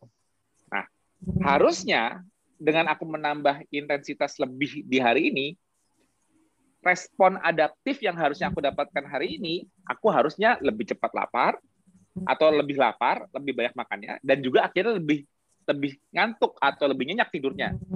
Kalau benar, jadi kalau kita memberikan amount of stress-nya tepat, tidak berlebihan dulu, usaha tubuh untuk merecovery-nya masih bisa coping dengan cara ada membuat kita muncul lebih lapar dan sleeping pressure-nya gede. Jadi kita lebih cepat ngantuk. Habis makan kenyang cepat ngantuk nih hari ini. Berarti apa? Hari ini aku ada stres yang aku berikan berlebih dan ini eh, apa membuat tubuhku butuh waktu dan dan secara nggak sadar kita makanku jadi lebih enak nih habis olahraga dengan intensitas yang tertentu ya, yang sesuai dengan amount yang amount yang tertentu ya. Juga tidurnya kok jadi lebih enak ya, lebih cepat ngantuk habis makan nih. Lebih lebih lama lagi tidurnya nih. Karena tubuh berusaha coping dengan stresnya. Ngerti nggak kebaca kebaca nggak maksudku yeah. dari, dari dari efek yang kita berikan melalui puasa maupun olahraga itu sebenarnya sama aja, sama-sama stres. Tapi tapi amount yang tepat memberikan adaptive respon yang tepat pula sehingga menghasilkan new resistansi di hari berikutnya atau lusanya karena butuh proses untuk recovery-nya. Yang kita harapkan kan kita menjadi lebih sehat alias kita lebih resisten terhadap stres. Artinya gini, kalau Mbak dulu harus sarapan supaya kelihatan sehat, sekarang Mbak dengan jam 12 baru makan tetap sehat, berarti Mbak resistansinya lebih tinggi dibanding sebelumnya nggak? Yeah. Sebelum Mbak yeah. KF. Yeah. Artinya Mbak level kesehatannya lebih tinggi nggak dibanding lebih sebelumnya tinggi. yang dulu? Yeah. Itu yang aku maksud. Jadi sama, kalau aku bisa ngangkat 10 kilo dibanding orang yang udah ngangkat 20 kilo, resistansinya kuatan mana? Yang yang bisa 20 kilo dong, tapi dia kan juga butuh proses untuk sampai ke sananya. Iya. Nah, ini ilmunya nih Mbak. Jadi jadi kalau uh, aku senang ngobrol sama nakes, aku pengen ngajarin fisiologi supaya nanti awam ikut belajar, jadi bisa melihat lifestyle intervention di KF itu secara fisiologik bukan secara kata-kata. Karena kalau kata-kata yang mereka belajar secara simpel puasa sehat, olahraga sehat. Begitu aku ketosis, punya kemampuan puasa tanpa lapar, punya kemampuan olahraga tanpa keletihan seperti endurance. Ah, aku banyakin aja mumpung sekarang aku udah ketosis gak ada lemesnya, akhirnya malah overdrive nanti. Kenapa? Karena dia memberikan amount of stress yang tubuhnya belum bisa coping, belum bisa adapt untuk recovernya. Kalau itu terjadi, yang terjadi kemudian ialah apa? Akumulasi dari effort atau akumulasi dari stres. Karena tubuhnya nggak siap untuk that that amount gitu. Maksudnya dengan beban yang terlalu besar ini dia nggak tubuhnya nggak siap untuk recover atau telat. Tapi kita mungkin besoknya udah tahu tubuh masih menambahkan terus dengan dengan porsi yang sama. Padahal yang kemarin aja belum recover sempurna. Nah itu kadang kalau kita nggak dengar insting kita di badan kita sendiri, kita malah berakumulasi sistem stres ini. Ini ini aku masih ngomongin stres fisiologi ya. Yeah, yeah. Belum ngomongin stres psikologi itu lebih ribet lagi. Karena tapi tapi kalau tapi tapi dua hal itu merupakan kombinasi yang sangat nggak bagus kalau tubuh tidak bisa recovernya. Ya kalau fisiologi aku ajarin gini harusnya orang gampang tak tahu cara ngerem apa apa. Tapi kalau udah yang susah itu kalau udah terkombin dengan psikologi terutama di zaman pandemi ya itu repot lagi udah stres fisiologinya ditambahin, tapi ada beban psikologi, wah udah selesai. Tubuh lebih sulit untuk copingnya, karena saat saat ada stres yang diberikan, entah itu dari stresor psikologi maupun fisiologi, psikologi kan pikiran, fisiologi kan contohnya seperti puasa, olahraga, itu fisiologi. Tapi tubuh persifnya stres ini sama, yang harus di recovery sama, nggak beda. Jadi jadi kalau kalau puasa olahraga plus psikologi itu beban stres yang sama yang harus di cover untuk recovery via tidurnya oleh oleh oleh tubuh. Nggak beda. Itu itu sifatnya satu as a whole. Dia harus bisa reset paginya. Kalau dia gagal reset, ada sisa di paginya. Biasanya kalau udah mengumpul, resting heart rate-nya udah berubah, BPM-nya lebih agak lebih cepat. Ya kalau dibiarkan lama-lama nggak nggak begitu tahu, lama-lama juga bikin oleng. Itu yang orang kadang-kadang nggak bisa mendengarkan sinyal-sinyal tubuh. Nah jadi jadi jadi uh, kita itu harus harus benar-benar. Nah ini ada pertanyaan nih dari Mbak Mira sekalian bagaimana kita tahunya uh, kita sudah relief dari stres fisiologi apa tadi apa buka, buka di chat nggak kelihatan gimana kita tahu tubuh kita sudah recovery dari stres fisiologi. Dari stres apa pun. Nggak harus hmm. fisiologi. Stres fisiologi maupun psikologi outputnya sama. Yang paling gampang terlihat ialah resting heart rate tensi lebih tinggi gula darah lebih tinggi. Itu yang paling paling gampang. Ya. Itu semua kalau udah tahu harus kembali normal. Dan gejalanya ya kadang-kadang kopi juga bisa menutupi gejala. Jadi kita yang suka ngopi, kita walaupun kita udah agak oleng paginya gini-gini, kalau kita minum kopi jadi nggak ketutupan terus nggak kelihatan. Tapi kalau mau ngetes, benar-benar kita sudah fit, pagi-pagi jangan ngopi, bisa seger nggak? Hmm. Misalnya, misalnya dengan dengan basic modulasi uh, sistem stres di tubuh untuk dari dari cortisol awakening respon awal kita membangunkan kita udah cukup belum untuk membuat kita segar tanpa bantuan stimulan. Nah kalau itu udah bagus, kadang-kadang kadang-kadang kita merasa ah udah aku udah seger kok, udah minum kopi udah seger gak kayak kemarin. Padahal belum, itu bisa terjadi loh. Jadi makanya kalau kalau orang yang habis mengalami kayak stress overdrive itu biasanya pada saat habis recovery aku suruh hibernasi atau bepergian tidur, aku suruh skip kopi dulu untuk memastikan dia fit dulu, baru setelah itu mau kopi lagi nggak masalah. Jadi dia kalau kalau mau kembali ke rutinitas dia setelah after dia akumulasi stresnya terjadi terus dia mau recover, pada dia recovernya ini memastikan dia mau kembali memberikan stres yang sama yaitu puasa yang sama, memberikan olahraga atau aktivitas fisik yang sama, memberikan stress load ke pikiran yang sama, kembali ke ke beban stres yang sama, aku memastikan dia udah fit di pagi hari. Sebelum dia karena karena memastikan stres yang kemarin-kemarin itu udah di reset lewat tidurnya dia yang bakal aku suruh. Kalau aku ketemu yang kayak gitu kan aku suruh perpajak tidur? Kenapa? Karena hanya tidur yang bisa mereset sistem autonomic nervous system kita yang berlebihan simpatetik maupun parasimpatetiknya itu disimbangkan kembali itu kan di situ ya kan karena karena hanya tidur yang bisa mereset itu semua secara alami walaupun kalau kalau secara simptomatik berarti kan kita mau seger di saat gejala banyak yang kita bisa makan minum supaya kelihatan seger. Tapi real healingnya cuma terjadi saat tidur karena risetnya benar-benar dari dasar. Kalau kita seger di saat terjaga, walaupun stres lagi tinggi itu mah gampang. Ada aja mau kerating deng, mau gula juga kelihatannya seger saja saat terjaga. Tapi realnya itu tetap harus di reset dengan tidurnya. Itulah fungsinya. Tidur itu untuk memastikan kita bangun pagi itu udah gasnya itu udah enteng lagi karena apa? Kalau gasnya masih berat, harusnya kita kalau kita olahraga nih, contohnya kemarin juga ada yang japri aku. Mas, kenapa ya Mas? Aku tuh naik sepedaan, kalau nanjak, sekarang aku pakai jam, kok bisa sampai 180 BPM-nya? Heart rate-nya. Dulu nggak? Apa pula? Nah, tidurnya bermasalah kan? Iya nih, aku agak kurang tidur, susah tidur. Nah itu jadi jadi jadi jadi load misalnya gini load load dia sebelumnya biasanya kalau nanjak sekalipun itu paling cuman 110, 120 sampai 180, berarti baseline resting heart rate-nya udah udah lebih tinggi. Dia aja nggak nggak. Mungkin tadinya dia, dia biasanya 70, 80 resting heart rate-nya, dia bisa aja udah start di 90. Itu artinya apa? Anggap aja anggap gini deh. Anggap aja resting heart rate itu kayak langsamnya mobil RPM. Kalau mobilnya udah dingin, pagi-pagi dingin, baru dinyalain, breng, kalau yang sering naik mobil kan pasti tahu tuh. Kalau pagi kan dipanasin dulu. kan RPM-nya rendah dulu tuh. Dari 1500. Yeah. Lama kalau udah kalau udah anget gitu. Terus anggapnya gini. Anggapnya kita dari bangun pagi, resting hati rendah, dibawa gerak apa gini-gini, baru agak panas naik naik naik. Akhirnya dari 2000 baru kita jalan.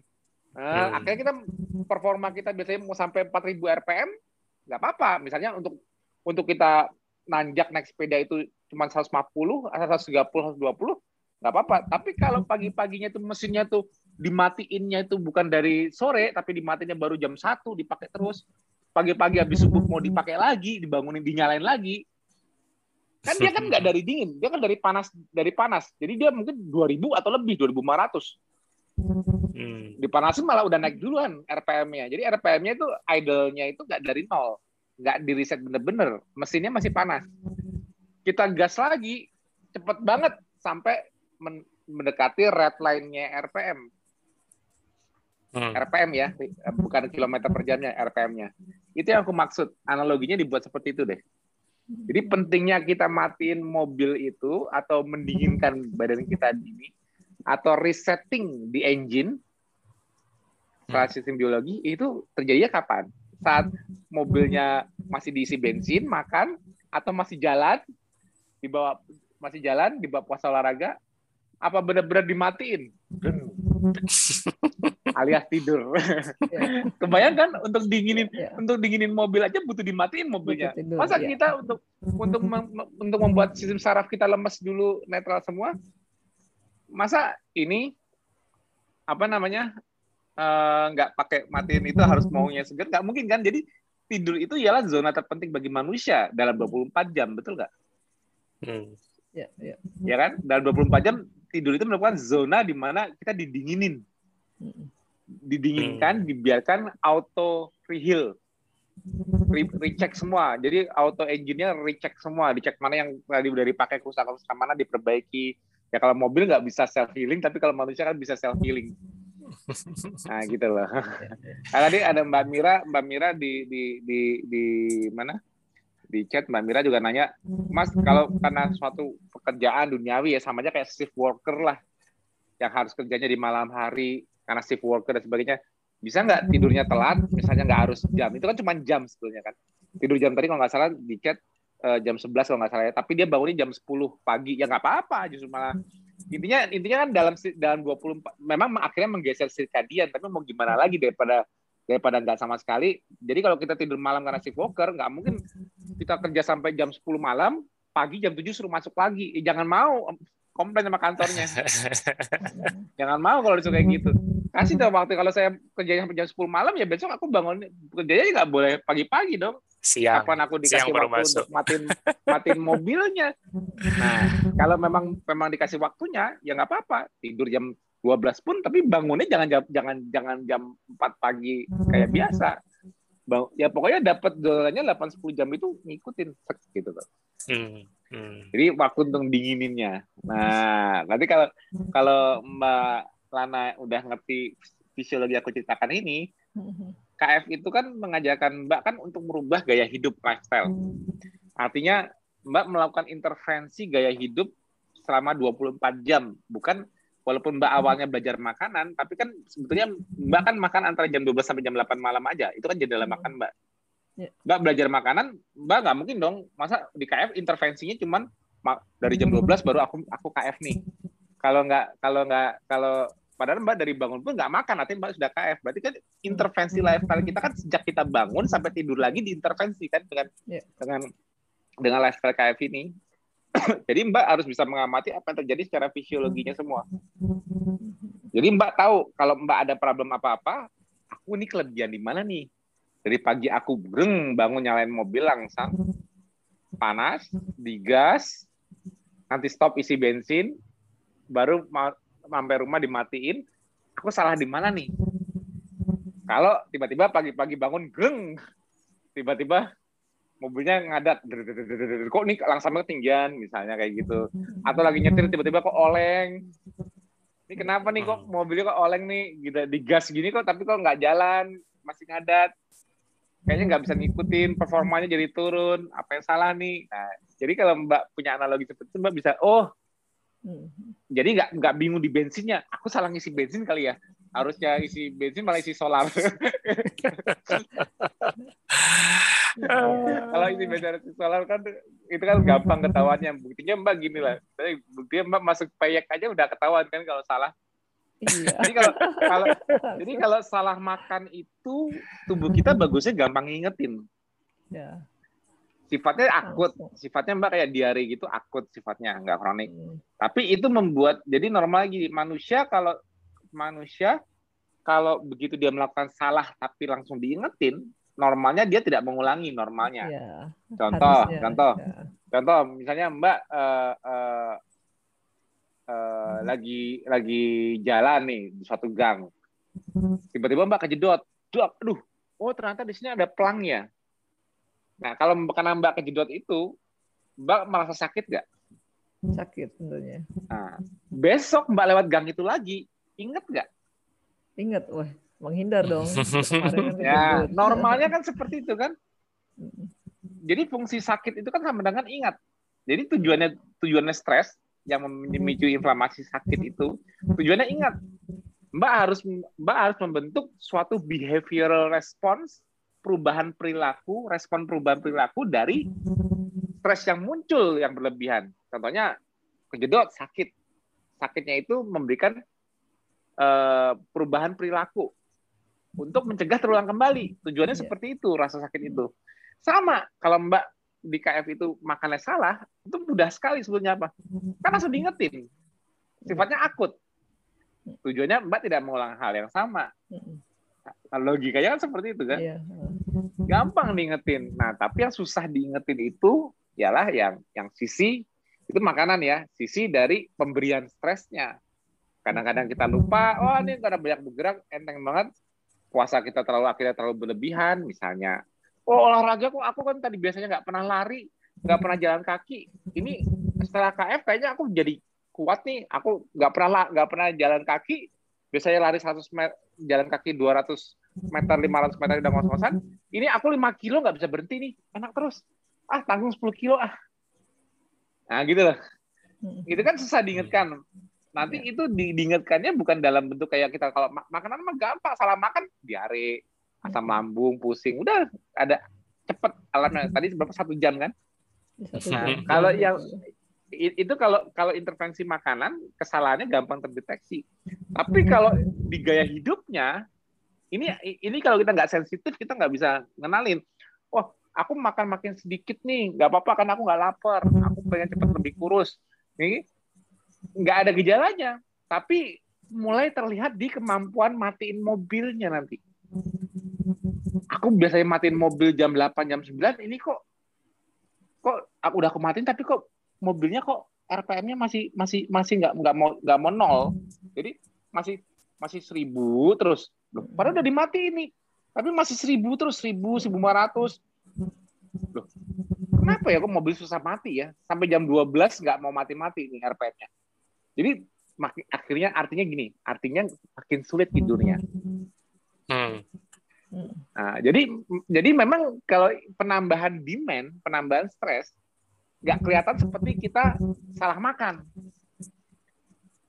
Tapi harusnya mulai kalau kalau itu nggak nggak terrecover terrecover, artinya ada akumulasi, kelihatannya di apa?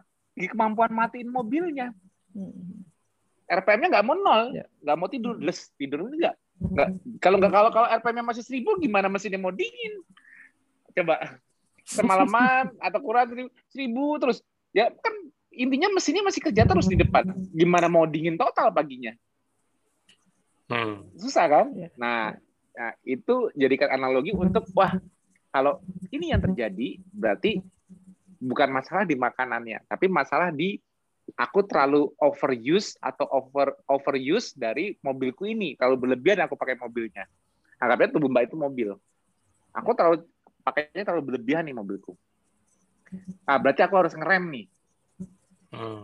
aku mulai ah, mendingan aku istirahat dulu deh hari ini jangan banyak aktivitas dulu deh mungkin kemarin udah terlalu banyak pakai ah nggak mau terlalu banyak mikir lagi deh kemarin aku udah udah udah banyak dipakai nih karena pemakaian secara fisik dan pikiran dua-duanya kan stresor yang sama psikologi dan fisiologi. Bebannya sama. Kalau lotnya udah terlalu besar ya, gimana cara nurunin ini semua dulu? Jangan sampai mobilku nanti malah nggak bisa mati sama sekali, repot nanti urusannya. Mesinnya cepat jebol nanti, ya kan? Nah itu. Nah mendingan ah mendingan aku aku aku banyakin isi bensin deh biar mobil cepat dingin. Nah akhirnya karena karena karena karena karena kalau mobilnya itu idle-nya nggak bisa turun, Hmm. Selain mengganggu kemampuan matiin mobil juga mengganggu kemampuan isi bensin. Isi bensinnya jadi makin sedikit. Kok susah ya? Biasanya aku bisa makan segini kok makanku jadi makin dikit ya? Hmm. Karena kan kan Mbak ingat tadi ceritaku di awal apa? Ingat ingat ingat, ingat ceritaku ya. Begitu aku menambahkan olahraga atau begitu aku menambahkan olah, puasa, respon adaptif yang benar harusnya aku merasa lebih lapar atau lebih banyak volumenya dan aku lebih nyenyak tidurnya. Itu adaptif respon yang benar. Ya. Adaptif respon ya. Tapi kalau aku memberikannya terlalu berlebihan, aku olahraganya terlalu tinggi intensitasnya, terlalu panjang puasanya, tubuh nggak coping dengan stres sebesar itu, yang terjadi ialah maladaptasi. Artinya apa? Aku bukannya makin lapar, malah makin nggak nafsu makan. Aku mau tidur, bukannya makin ngantuk, malah makin nggak bisa tidur. Terjaga. Itu namanya itu namanya maladaptif respons dari stres yang diberikan. Tapi kalau adaptif respon sebenarnya yang bagus ialah setiap stres yang kita tambahkan, belajar memperpanjang puasa, tadi yang nggak pernah olahraga, belajar olahraga dengan intensitas tertutup, adaptif responnya ialah usaha recovery yang terlihat. Lebih lapar, makan lebih banyak, tidur lebih enak. Nah, hmm. kadang-kadang kadang-kadang ada juga nih di japrianku yang ada kesalahan juga. Yang terjadi benar adaptif respon. Jadi gini, dia memperpanjang puasa atau menambah olahraga, nggak pernah olahraga olahraga. Yang terjadi ialah benar muncul dia lebih lapar, dia tidur lebih nyenyak. Tapi dia men, men, malah membuat adaptasi sendiri. Apa? Saya lebih lapar, tapi saya tahan. Kenapa? Tujuan saya memperpanjang puasa, menambah olahraga tadi kan untuk lebih cepat kurus. Iya. Nah kalau saya makannya malah lebih banyak kan rugi dong. Aku udah udah udah memperpanjang puasa. Makanya aku tahan laparnya. Ya, ya. Gitu loh. Akhirnya dia susah tidur. jadi kan jadi kan ini memang adaptasinya dibentuk sendiri. Padahal intensitas dan itunya tepat untuk membuat tubuh mau recover. Tapi dia malah nggak ngasih. Kenapa? Dia ada ide sendiri. Ada loh, jangan salah. Ada. banyak. Dan, dan, dan mungkin banyak. Nggak mendengarkan itu. malah apa adaptif respon tubuhnya itu banyak tuh ya. Itu itu artinya apa mas uh, worrying. Jadi sudah sudah pengaruh ke uh, mindset ya. Ini mungkin akan ada tujuan tertentu. Iya, ini mungkin pasti bisa bantu Mas Tio nih gambar ini. Jadi trigger dari stres itu pertama ke physically jadi reaksi hmm. dari tubuh kita nah ada, tuh leher. Nah. ini, nah, ini ini ini nah. ini physically itu kayak ngingetin aku yang kemarin nih. Terus kayak gitu. nah tapi ternyata dari physically itu itu bisa ke mana-mana bisa secara emotion bisa secara behavior ya, ya bisa secara kognitif gitu. Nah jadi tanpa sadar semua bagian ini blok ini adalah stres psikologis ibaratnya emotion hmm. behavioral sama kognitif Ya. Nah. emang harus, harus harus muncul. Jadi apa pun stresornya, entah itu stresor dari pikiran maupun stresor fisik, hmm. agar tubuh bisa adaptif respon, ya kita harus ada behavioral response. Jadi memang ya. memang tubuh itu tubuh itu stres yang diberikan itu harus ada perubahan perilakunya supaya apa? Supaya stresnya turun, nggak tinggi terus gitu loh. Kan stres itu kan demand. Hmm. Perubahan behavior ialah untuk membayar demand-nya. Permintaannya diturunkan. Karena kenapa? Kalau demand-nya ketinggian, kan malah malah malah nggak bagus, ya hmm. ya kan? Di, kalau demand-nya terjawab, terpenuhi, kan turun stresnya. Selesai nggak? Hmm. Itu jawabannya. Jadi jadi ini, ini sebenarnya basic fisiologi. Secara fisiologi berhubungan dengan psikologi. jadi jadi stres di tubuh kita itu memang apa pun. Jadi contohnya gini, contohnya COVID ya mbak Mbak, Mbak, Mbak pernah nggak nanganin? Uh, eh gini, ini, ini mantep nih, ini bagus. Saya kepikir. Ya kan, aku baru kepikir karena karena Mbak Lana kan ngurusin vaksin. Iya betul, betul, ya. betul, nah, betul. Mbak Lana pernah lihat gini nggak efek dari vaksin ya? Ini kita kita kita kita, kita hari ini nggak boleh ngomong merek-merek vaksin ya. Ini cuma aku mau ngomongin secara yeah. kita yeah. jangan sampai masuk ke dunia vaksin yang ngomongin uh, preference itu kita nggak butuh yeah. boleh kita. Yeah tapi yeah. aku cuma mau nanya sama Mbak. Mbak begitu vak ngevaksin orang atau Mbak vaksin sendiri, Mbak lihat nggak efeknya ada orang yang tiba-tiba jadi cepet lapar, langsung bawaannya ngantuk, tidurnya panjang. Baru Banyak. dia badannya lebih segar. Yang seperti itu ada nggak? Banyak itu. Ya hmm. jadi cepet jadi lapar, jadi iya. laparan, terus bawaannya jadi ngantuk, pengen tidur panjang. Bener nggak? Banyak itu yang seperti itu, Mas Tio. Nah, Jadi di salah nah, satu vaksin ya yang awal-awal itu kan memang banyak sekali yang banyak banyak jangan sebut merek ya. Ya ya yang awal-awal vaksinnya awal-awal. Hmm. nah. gimana responnya mbak? Responnya kayak gitu ya? Iya banyak yang banyak. merasa ngantuk merasa lapar. Hmm. itu disebut namanya adaptive response. Karena apa? Vaksin itu stres Ah, baru tahu kan vaksin sukses kan? Jadi gini, kita nggak vaksin vaksin vaksin itu kan sebetulnya modifikasi dari infeksi. Jadi realnya di alam, iya. in, stresor dari eksternal kita salah satunya ialah infeksi. Kalau kita terinfeksi, tubuh kita jadi stres. Kenapa? Karena ada ancaman, threat. Hmm. Memberikan negatif balance yang harus dipenuhi untuk melawan balik, untuk menyingkirkan threat-nya. Vaksin sama. Vaksin adalah threat yang diringankan. Ringankan sehingga tidak lethal, tidak bahaya. Hmm, hmm. Kalau infeksi kan infeksi kan lethal sifatnya kalau kita nggak yeah. bisa coping, betul nggak? Lethal itu artinya yeah. bisa membunuh kalau kita nggak bisa coping, kalau kita nggak bisa adaptasi dan malah mal adaptasi. Hmm. Sama. Nah, sekarang ini kita masuk ke sedikit ke imunologi ya. Sorry nih, kalau ketemu aku memang jadi teknikal. ini buat belajar juga. Jadi jadi jadi uh, infeksi itu sebetulnya bukan yang membunuh. Tapi yang membunuh itu ialah maladaptasi dari infeksi. Kenapa? Contohnya hmm. virus. Virus itu hanya bisa bereplikasi kalau diizinkan oleh hostnya. Karena virus itu cuma protein sequence virus itu cuma materi, genetik material. Dia tidak punya kemampuan untuk self replicate dia nggak punya kemampuan mandiri.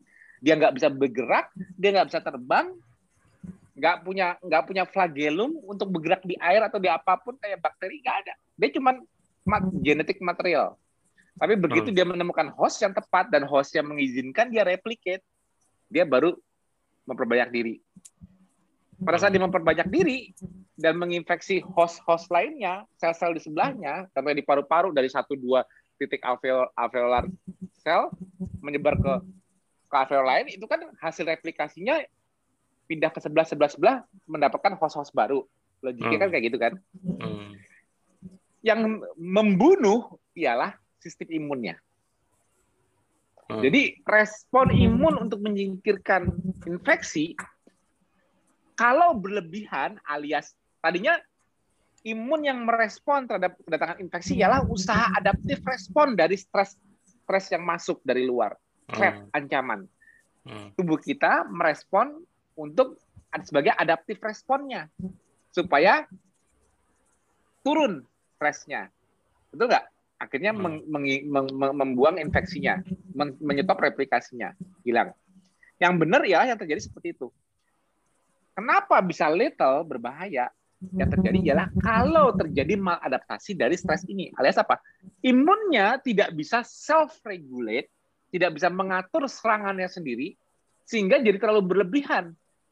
Karena serangan imun itu bersifat inflamatif, akhirnya inflamasi ini justru malah membunuh the whole hostnya, manusianya.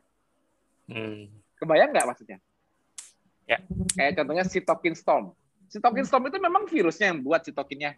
Bukan. Sitokinnya mensekresikan sel imunnya.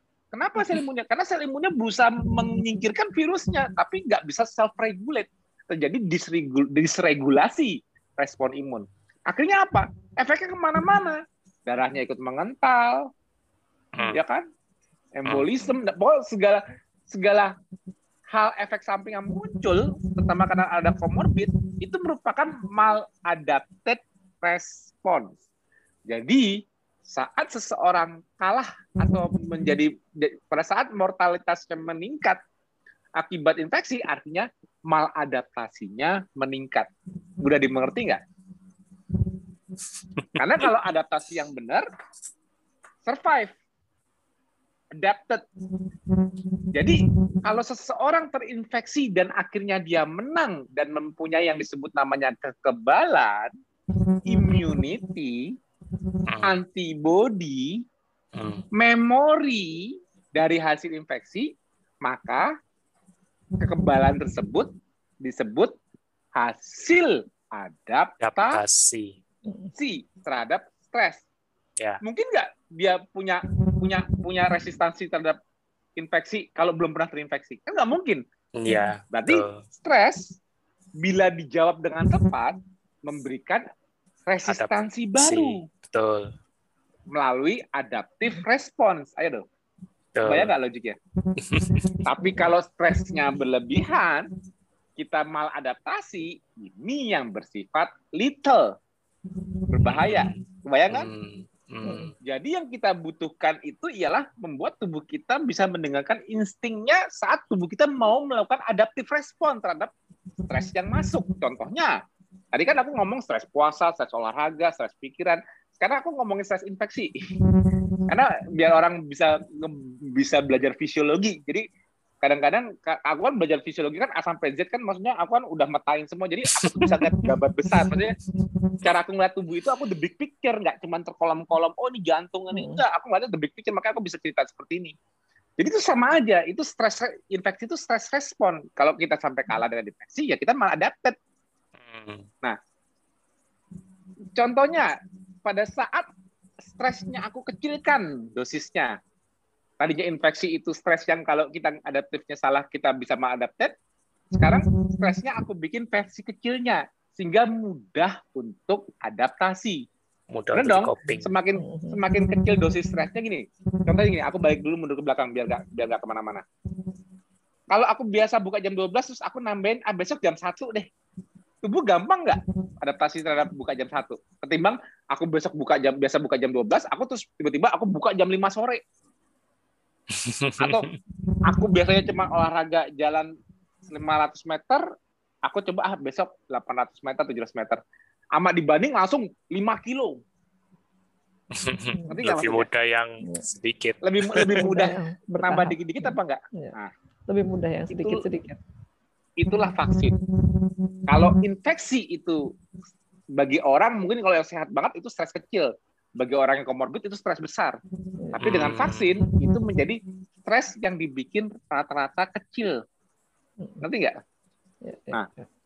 Jadi pada saat Mbak memberikan stres ke pasien, ke uh, masyarakat yang Mbak vaksin, itu Mbak itu memberikan stres loh. Tujuannya ialah mereka membuat adaptive respon dari stres yang Mbak berikan lewat suntikan. Hmm. Makanya muncul ga- muncul behavioral response. Hmm. Mbak ngaku sendiri kan behavioral response dari stres yang Mbak berikan ke mereka apa? Ngantuk, lebih cepat Jadi lapar, Betul. Apa? Nah, itu yang dimaksud dengan adaptive response. Mulai kebayang nggak cara tubuh mau coping dengan stres yang Ya, diberikan? ya, Kelihatan nggak? Ya, Nah, ya. jadi kalau Mbak nanti menambahkan puasa, Mbak menambahkan olahraga, harusnya sama. Lebih cepat lapar, lebih cepat ngantuk. Kenapa? Ada stres ada stres berlebih yang Mbak mau recover dari itu. Supaya Mbak membentuk resistansi baru, kemampuan puasa baru, kemampuan olahraga baru. Nggak ada bedanya sama vaksin. Bedanya vaksin itu memberikan kemampuan buat antibody. Hmm. Jadi kalau dia sudah pernah kena, udah pernah kena contoh udah pernah dikasih stres walaupun dalam dosis kecil dan dia dan dia berhasil membentuk adaptive responnya, maka begitu dia dapat stres besarnya, dia bisa keep up nantinya nggak terlalu stres lagi, nggak ketinggian, tetap stres. Begitu kena real infeksi tetap stres. Tapi kalau dia udah ada memorinya, dia udah punya baseline resistansi yang lebih tinggi untuk mencegah mencegah maladaptasi Hmm. mulai kebayang nggak? Misalnya kalau dia resiko nggak pernah nggak pernah nggak pernah membentuk resistansi sama sekali, dia bisa gampang maladaptasi saat mereka dia kena stres sebenarnya. Tapi kalau udah pernah dikasih stres dalam bentuk dosis yang bisa dibuat adaptive responnya, dia sudah mempunyai baseline resistansi sama kayak gini. Mbak begitu mau mau ikut kompetisi lari, tapi Mbak udah latihan pelan-pelan dengan cara ah aku hari ini eh, nggak pernah olahraga, aku mau latihan jalan eh, 500 eh, maraton, aku lari lari 500 meter dulu deh. Nanti kalau udah udah ter- terbentuk recovery-nya, aku mau nambah deh 800 meter. Aku nambah deh satu kilo, aku nambah deh 2 kilo. Nanti begitu nanti menjelang pertandingan misalnya Mbak baru latihan sampai 5 kilo, tapi tiba-tiba pas pertandingan dituntut 10 kilo, itu lebih baik dibanding Mbak nggak pernah start sama sekali kan. Langsung dari dari cuman bisa 500 meter langsung 10 kilo, ama dari 5 kilo ketemu 10 kilo, ya mungkin mungkin stresnya tetap naik, tapi lebih gampang untuk tubuh diberikan kesempatan untuk coping dengan stresnya. Coping maksud coping bahasa Indonesia apa sih? Mengatasi. Mengatasi untuk hmm. mengatasi membentuk adaptive response. Itu, itu yang aku maksud dengan sistem stres. Adaptive response. Tapi kalau kita kalau kita nggak walaupun kita udah vaksin sekalipun tapi kita kita pada saat the real infeksinya kita nggak nggak ngeh dengan insting tubuh contohnya nggak ngehnya gini yang jelek dari infeksi itu ialah apa karena kita tahu infeksi ini namanya COVID dan COVID berita di mana-mana, kita gampang membentuk maladaptasi lewat psikologi. Di hmm. mana adaptif respon dari infeksi harusnya ialah seperti apa Mbak tadi? Ngantuk, lapar, lapar. betul kan? Hmm. Tapi begitu tahu ini, wah aku kena COVID, kira-kira ada stresor apa yang meningkat? Mental. Psikologi, fisiologinya, fisiologinya benar, fisiologinya benar secara secara fisiologi COVID yang masuk stres fisik. Hmm. Tapi kira-kira apa yang ikut nambah di situ? Stres apa? Psikis, psikis. Nah, harusnya kalau kita nggak tahu ini yang masuk ini COVID, kita adaptif responnya ialah kok aku tiba-tiba jadi kayak lapar ya, bawa cepet ngantuk ya. Tapi ini plus kita tahu ini COVID, kira-kira ada yang di sini bisa membuat kita nafsu makan turun nggak? Ada. Misalnya. Membuat kita kepikiran cemas jadi sulit tidur nggak? Ya. Terjadi nggak di pasien-pasien COVID? Banyak kayaknya. Kalau itu terjadi saat isoman dan nggak sadar, saat isoman mereka nggak sadar, terus mereka mereka saking cemasnya mereka nggak bisa makan, saking cemasnya mereka tidur sulit. Kira-kira yang terjadi sama mereka isoman ialah adaptif respon apa malah malah adaptasi? apa perburukan? malah adaptasi kayaknya malah. Iya. Sekarang sekarang ada nggak yang bisa ngeliat ini? Setelah aku jelaskan kayak gini, udah mulai nggak nggak pentingnya intervensi gaya hidup, pentingnya pentingnya kita melihat as a whole ketimbang virus itu sendiri, kelihatan nggak? Iya, iya. Iya kan? Ya. Apa pun virusnya, Mbak, nggak usah COVID, BBD, apa pun. Kan itu stres semuanya. Emang apa ya. bukan stres? Hmm. Kalau virus itu bukan stres, emang apa? Stres itu eksternal stres, stresor.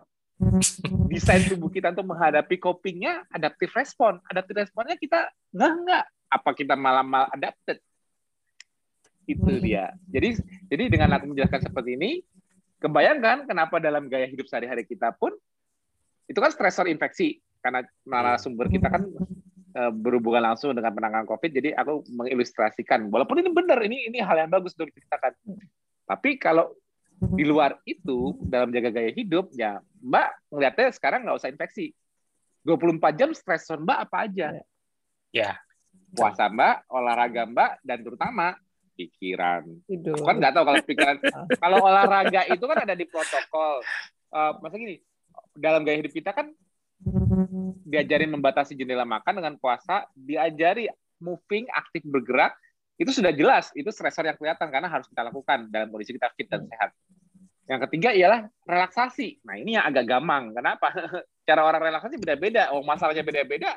Nggak bisa menentukan satu jenis relaksasi untuk semua masalah di bumi ini. Nggak mungkin dong. ini PR berat emang. Tapi feeding time gitu juga gitu. Kalau feeding time gampang dikontrolnya ya kan udah bisa oh aku mau makan antara jam sekian sampai jam sekian itu jendela makan sleeping time bisa dikontrol walaupun sleeping ini jadi akan sulit begitu kita maladapted hmm, nah jadi jadi jadi kalau kita bisa mengerti apa yang terjadi selama 24 jam hidup kita dan kita tahu cara gimana mengaturnya supaya selalu harmonis insya Allah kita bisa menjaga kesehatan lebih baik ke depannya betul nggak Hmm. Karena kita selalu memberikan stres yang dijawab dengan adaptive respon, tidak pernah memberikan stres lebih sehingga maladapted. Karena hmm. kalau kalau kita adapted, ya yang kita dapat bukan sehat dong nanti. Tambah stres ya. Betul nggak, Mbak? Ya, ya. Nah, nah ini ini ini kira-kira ilmu penting nggak buat newbie? penting ini, penting banget. Ya, betul. Karena Selama sebelumnya kan newbie, mungkin... yang yang selama ini dipikirkan kan hanya masalah makanan ya. Yang pikir di masalah makanan aja gitu kan. Exactly. Ternyata ada hal lain yang juga penting itu selain makanan. Uh, Mas Tio, mungkin, mungkin saya mau nanya gini Mas Tio. Iya boleh. Uh, saya kan uh, apa ya senang bukan senang, memang terbiasa puasa Senin Kamis ya, Senin Kamis. Hmm. Ya. Nah, eh, kemarin kan sama Mbak Irma saya dibilang nggak apa-apa kalau yang eh, awal-awal itu eh, boleh sahur misalkan dengan telur gitu ya. Ya, betul. Dua hmm. gitu kan. Nah, Biar stresnya nggak terlalu besar dulu. Ya, tapi nanti kalau sudah lewat satu bulan itu nggak seperti itu. Nah, ini sampai kapan nih? Sampai kapan saya boleh boleh makan di waktu sahur itu misalkan dengan telur dua butir gitu.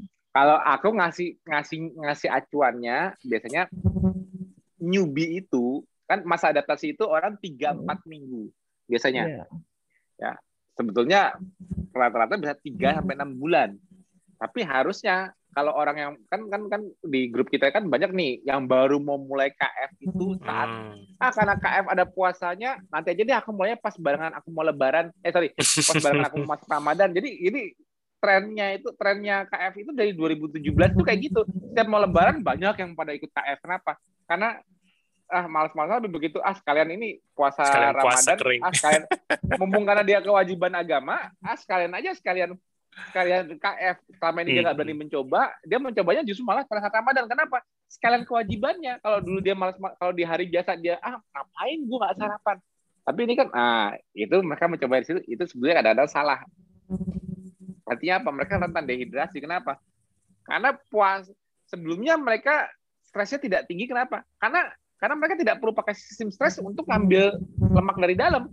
Mereka hmm. pagi-pagi udah masuk gula kok. Sarapan dulu nasi uduk apa pokoknya yang yang pakai gula. Nanti kalau stresnya itu baru muncul di jam 12 ke atas. Begitu gulanya turun, baru tuh mereka udah ngantuk, apa udah lemes apa-apa. Karena karena karena stresnya nggak kuat untuk angkat. Nah, baru mereka nanti agak enakan lagi sore apa buka puasa masuk gula lagi nggak stres lagi kenapa kan udah masuk gula kenapa ngeluarin stres lagi nah kalau mbak baru awal mulai kenapa disarankan mbak Irma untuk makan dulu kenapa makan itu juga menurunkan stres. Walaupun bukan gula ya tapi makan itu mengentengkan. Walaupun efeknya mbak juga nggak seseger kalau nggak makan sama sekali. Kalau nggak makan sama sekali mbak pasti lebih enteng badannya. Tapi di awal karena karena puasa itu masih masih merupakan karena aku udah bilang puasa itu stres loh. Olahraga itu stres loh. Walaupun puasa itu puasa itu sehat kalau sudah recover. Jadi puasa itu usaha sehat. Olahraga itu sehat kalau sudah recover jadi olahraga itu usaha sehat nah kalau di awal mbak tanpa sahur takutnya usaha sehat ini terlalu berat buat mbak jadi dientengin dengan Sahur. Nah, itu tiga empat minggu. Nanti kalau Mbak udah sebulan, ini kan udah 35 hari nih. Mm-hmm. Mbak mau Senin Kemis, coba deh skip.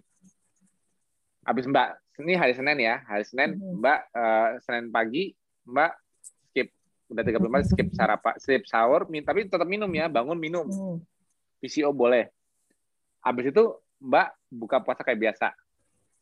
Selasanya kan, selasanya kan Mbak nggak puasa kalau kan Senin Kamis kan? ya. Iya. Nah, Mbak perhatikan pada hari Mbak nggak sahur, Mbak buka maghrib, malamnya tidurnya enak nggak?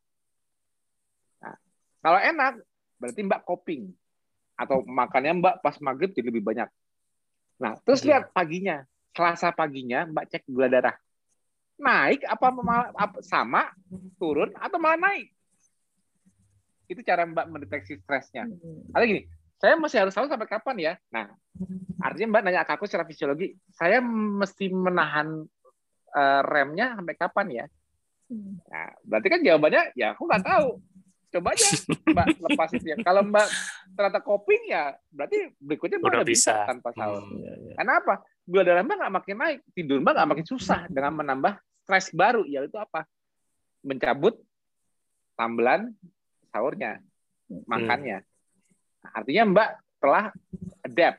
Nah itu jadi jadi makanya aku bilang protokol KM itu sebetulnya gradual adaptation to fasting condition, yeah. fasting on ketosis, gradual adaptasi, adaptasi secara gradual dari cuma 16 jam, 18 jam, 20 jam. Kenapa dibikin gradual? Karena aku dari dulu udah tahu puasa itu stres. Makanya kalau Mbak ngikutin aku dari 2016, mungkin aku satu-satunya founder yang tanda kutip KF itu dikira diet, founder dari suatu diet tanda kutip yang nggak pernah ngomong makanan. Kenapa? Kenapa aku berbusa-busa bicara fisiologi mulu dari awal 2016? Ya karena untuk membuat orang paham hal-hal seperti ini dari dulu aku masih ribet sampai sekarang udah mudah-mudahan ya, mudah-mudahan. mohon maaf kalau belum bisa sederhana juga, mohon maaf. Sampai berusaha menyederhanakan segala kenapa? Karena aku penting bagi orang mengetahui secara fisiologi karena ini decision makingnya beda dengan tahu makanan. Ya, betul. Benar nggak? Kalau Mbak dengan ilmu aku kasih fisiologi kayak gini, cara Mbak decision making untuk lifestyle Mbak udah beda nggak sama dengan oh taunya kalau kayak makan ini ini ini misalnya aku dari dulu cuma ngomong makanan terus oh kamu makan ini ya makan itu ya. Beda nggak cara mbak lihat decision makingnya? Jelas beda bener nggak mbak sekarang bisa bisa menganalisa 24 jam ketimbang menganalisa jendela makan? Aku tadi makan apa ya? Mbak makan salah gampang kok diare. Selesai kan? Ya. jangan diulang. Apa susahnya? Cepet nggak diingetin? Kalau mbak salah makan diare. Gampang nggak? Aduh kok aku diare ya? Belum nggak sampai satu jam langsung langsung diare. Artinya apa? Oh tadi ketahuan aku makan peyek. Oh berarti peyek nggak boleh. Selesai. Iya. kecuali kalau mbak makan diingetinnya baru tiga minggu lagi diarenya. Baru mungkin nggak inget. Kalau makan cepet kok diingetinnya. Salah makan diare. Salah makan ini langsung ketahuan. Nggak butuh waktu lama. Jadi lebih gampang mengingatkan. Tapi kalau kalau pemberian stresnya itu yang tidak mengingatkan. Contohnya gini memperpanjang puasa menambahkan olahraga pikiran berlebih. Kadang nggak langsung kelihatan. Itu yang makanya kita hmm. kelihatan ciri-cirinya itu kelihatannya mulai ke gangguan cara matiin mobilnya ini yang perlu aku ingetin ketimbang makanan. Makanan apa? Mas aku tadi salah makan deh ada ini ini ya udah. Jangan diulang. Jawabanku cuma itu doang. Apa apa lagi. Kalau masih coba lagi ya terserah. Ya diare lagi. Jadi jadi jadi jadi kalau iya. makanan itu sebenarnya gampang banget. Karena apa tubuh udah punya sensor tuh ingetin sendiri. Yang perlu aku ingetin ialah decision making dalam gaya hidup 24 jamnya. Itu yang perlu aku ingetin. Hmm. mungkin dulu mbak fokus di makanan kenapa kalau mbak makan karbo nggak ada yang ngingetin ah hari ini aku makan nasi merah makan sayur makan ikan, makan buah, pola hidup sehat. Ah, aku hari Sabtu Minggu, aku mau makan pizza, makan apa yang jorok-jorok, makan lemak yang banyak, ya. Pada saat hari Sabtu Minggu, diare nggak? Senin sampai Jumat makan nasi merah, sayur dan sebagainya yang bagus-bagus yang dianggap sehat itu, Sabtu Minggunya jorok. Anggapnya cheating day. Ada gejala nggak? Enggak. Sabtu Minggunya malah apa?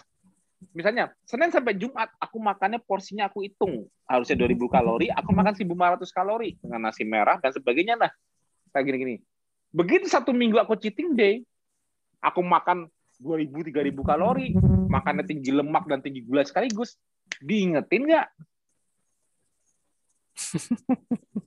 enggak kan enggak walaupun Seninnya Mbak kembali makan situ lagi nggak ada yang ingetin jadi jadi jadi mal adaptednya nggak langsung kelihatan, tapi muncul dalam bentuk chronic disease nantinya. Yeah. Hmm. Kalau Mbak salah makan di KF, salah makan, nggak usah takut, langsung diingetin acute symptom langsung muncul dalam sejak. Dibayar di oh, muka enak tunai. Nggak, nggak, enak banget. Nggak enak banget sih KF. Kayaknya enakan zaman dulu aku makan karbo, aku salah makan nggak ada apa-apa. Tapi kalau di KF salah makan dikit, aku malah malah berasa. Nggak enak banget sih KF kalau orang berpikir seperti itu kenapa? Karena ego karena dia pengennya apa? Dia pengennya yang yang yang enak buat dia maunya jangan uh. gampang. Tapi kalau orang ngerti fisiologi diingatkan di kondisi kemasukan karbo berlebih itu apa? Fisiologi advantage. Hmm. keuntungan fisiologis kenapa kita selalu diingatkan sebelum terbentuk kronik kekronikan nantinya iya betul karena apa dengan kita bergejala kita ingat Hmm. Kita gampang identifikasi apa yang salah di makanan. Hmm. Betul nggak? Dibanding nggak pernah diingatkan. Betul nggak? Ini sama. Makanya manusia di alam liar tanpa punya ilmu. Terus ini, manusia jutaan tahun hidup di bumi kan nggak dikasih ilmu kayak kita sekarang ini yang udah banyak ilmunya. Jadi gimana mereka supaya survive di alam liar? Ialah apa? Mereka harus bisa mendengarkan tubuh mereka. Mereka harus mendengarkan pain mereka. Hmm. Contoh, mereka lagi ke ke suatu teritori mencari makanan, tiba-tiba macan, wow, kaget dia kan? Hmm. Resornya psikologi nih, Hmm. takut resor psikologi. Dan macannya ngejar Hmm. supaya dia survive. Kita cuma nyerah, ampun ampun macan jadi makan, apa kita Hmm. lari? Hmm. Lari kan? Kalau mau hidup Lari. dari dari, dari sama macan. Nah, berarti perceive threat lewat stres psikolo- psikologi dan juga stres fisiologi kita harus menyelamatkan diri lari itu bersifat akut. Aku harus lari cepat mungkin. Anggapnya dia survive. Tak, ah, alhamdulillah survive. Dah, macan udah gak ngajar, udah selamat.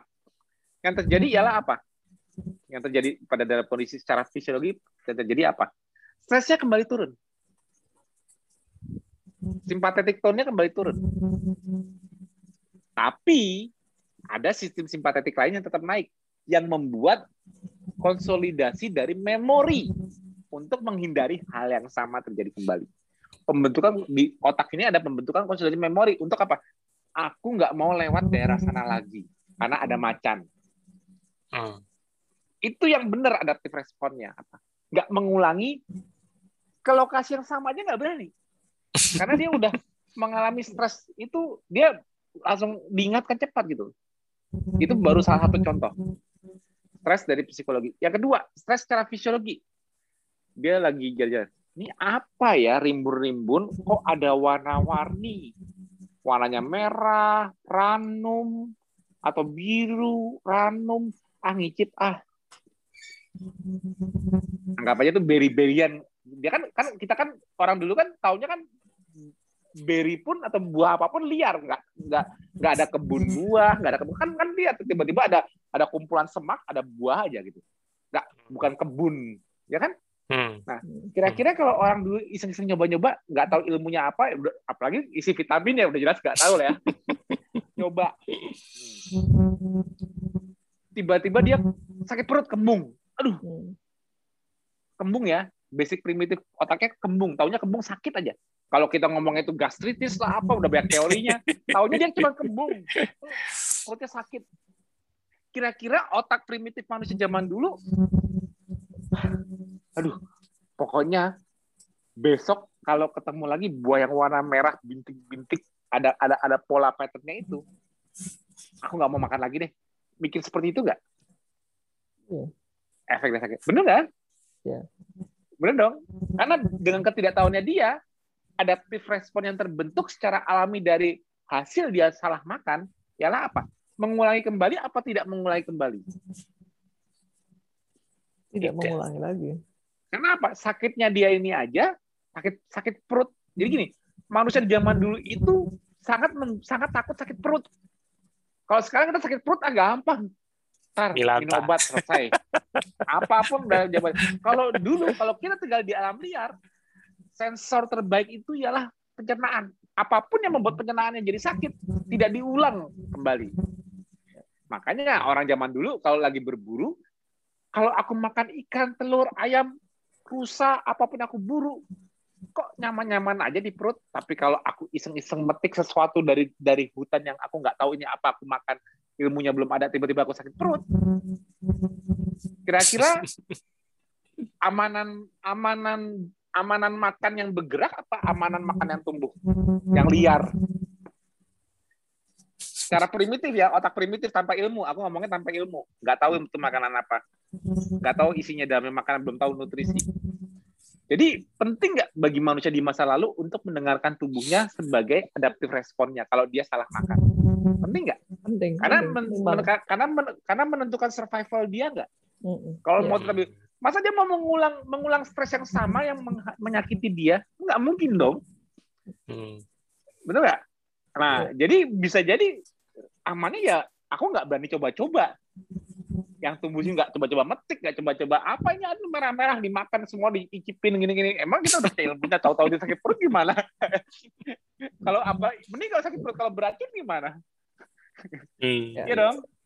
Nah, jadi jadi jadi hunters and gatherer di masa lalu juga gitu. Dia selalu play safety, cari aman. Hmm. Kenapa? Karena mereka nggak mau sakit. Karena dulu sakit nggak ada obat. Jadi mereka benar-benar play safe. Play safe itu apa? Makannya yang aman-aman aja. Orang gue juga makan itu untuk hidup, makan untuk hidup kok bukan hidup untuk makan. Udah Hmm. untuk bisa makan. Masa makan untuk berusaha hidup tapi makannya malah menyakiti dia? Kan konyol. Hmm. Hmm. Nah, itulah pentingnya tubuh kita punya sistem stres. Kenapa? Sistem stres tuh kalau kalau kalau sedang dimodulasi harus muncul behavioral response. Hmm. Jangan sampai behavioral response yang bertu- bertujuan untuk membentuk adaptasi malah gagal dilakukan dan akhirnya menuju mal adaptasi, dari stres yang awal. Itu yang dimaksud mal adaptasi. Hmm. Ya, paham dong? Akhirnya sekarang the big, the big picture-nya dari sistem biologi manusia udah mulai kelihatan semua dong. Hmm. way of thinking kita harusnya setelah TMH ini berubah dong. Udah aku kasih contoh dari infeksi, udah aku kasih contoh dengan dari makanan, udah aku kasih contoh dengan puasa olahraga. Masa masih belum nyambung-nyambung aja lagi sih antara adaptif respon dengan maladaptasi gitu loh. Hmm. Jadi jadi kuncinya itu. Kuncinya kita harus adapt dengan apa pun 24 hours yang kita lakukan di tubuh kita, kita harus adapt dengan full recovery dengan tidur kita, besoknya kita new resistansi, bukan less resistant. Kenapa? Kalau Hmm. too much stress, bukan new resistance, tapi malah less resistant. Malah akhirnya malah jadi rentan. malah jadi drop.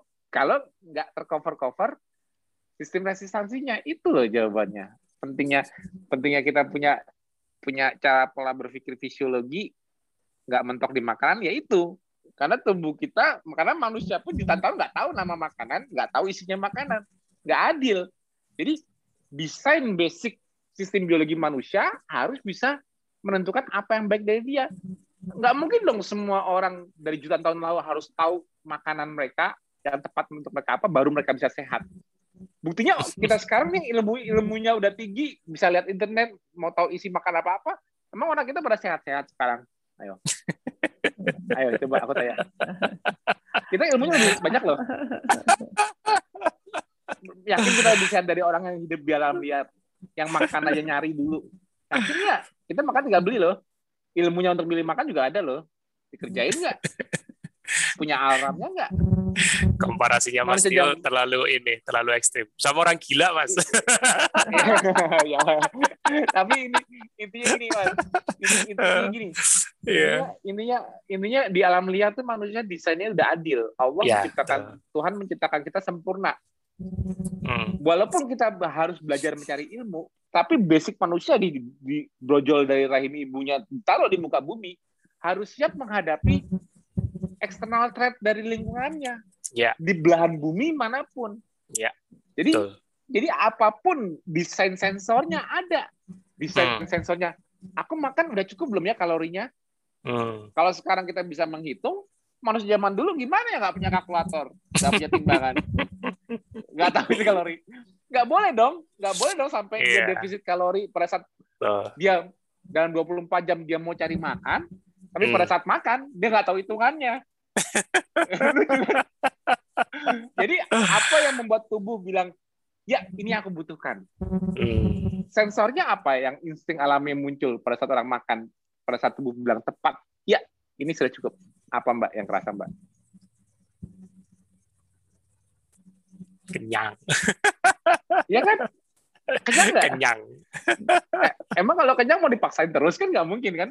Jadi basic insting yang meng- menghentikan manusia dari makan terus cuma satu, kenyang. Selesai. Apa emang? Emang apa? Mencari makan lapar, berhenti Hmm. makan kenyang. Emang apa? jadi jadi di dalam sistem tubuh manusia, grelin dan leptin bekerja secara simultaneously untuk menentukan kebutuhan kalori manusia. That's it. Hmm. ya kan? Enough, ya enough karena ini segini, yang aku butuhkan. Hmm. Tapi kalau kita mengalami maladaptasi, sensor ini gagal. Contohnya, Hmm. stres kita berlebihan, yang kita berikan, tubuh kita nggak bisa coping, tidurnya nggak bagus. Kira-kira Hmm. pas makan, padahal baru makan telur satu. Kok udah kenyang ya? Hmm. Itu sensornya sensornya bener apa sensornya malah adapted? Ayo aku tanya. Seharian aku udah olahraga, seharian aku puasanya panjang. Tapi begitu aku makan, telur satunya udah kenyang. Yang salah kita nggak ngitung apa kita malah adapted sensornya. Mal, ya. Ya itu makanya lah, gimana kita memperbaiki sistem sensor ini? Ini Normalnya kalau nggak nafsu makan atau sickness anoreksia tidur sampai akhirnya pada saat dia bangun dari tidurnya tiba-tiba muncul laparnya makanan Hmm. bisa sesuai dengan caloric needs yang dibutuhkan oleh tubuh. By apa? Hmm. By sensor adil. Itu baru Hmm. adil manusia. Adil nggak kalau kalau adil nggak kalau manusia itu kebutuhannya itu punya harus built in sensornya. Adil nggak kalau kayak gitu? Adil kan? Iya. Walaupun sekarang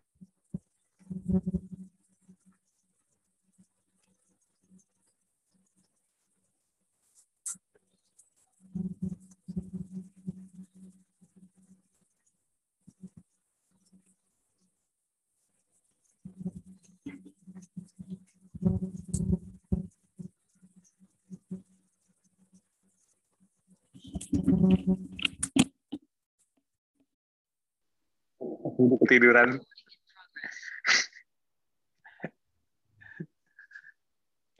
Halo Mas Budi. Mas Budi, Iya, iya, sorry. Tadi keputus. Mas Budi yang putus ya. Oh iya, makanya aku aku tadi berhenti itu saya recording stop. Jadi berarti Mas. Iya, it's okay, it's okay. Tadi tadi tadi sebelum putus aku sampai mana Mas? Tadi yang di Mas Budi biar aku lanjut lagi Eh, sebelum aku putus. di adil tadi kalau nggak salah. Nah ya, nah. maksudnya biar biar kerekam juga.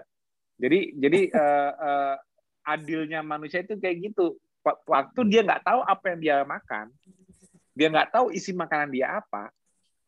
Dia cuma mengandalkan apa sih sensor untuk ini sensor manusia yang built-in di tubuhnya untuk memilih makanan dia itu apa sih?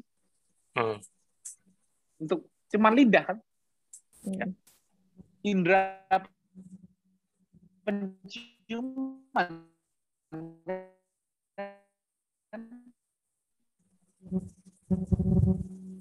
isinya? Hmm.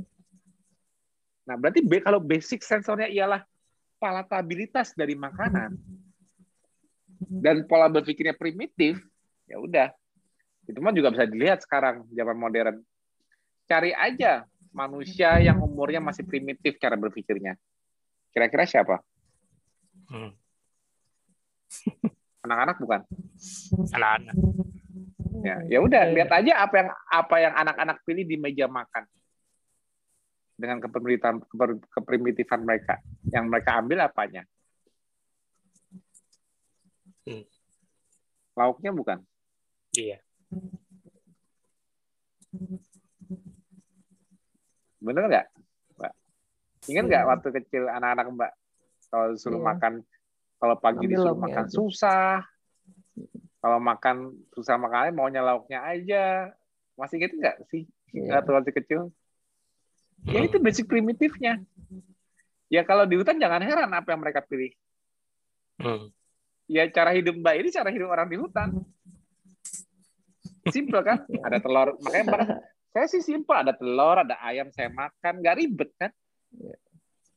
Yang ribet itu kan kalau udah digoda mantan kan? Iya. Iya kan? Udah CLBK, itu dia. CLBK ribet.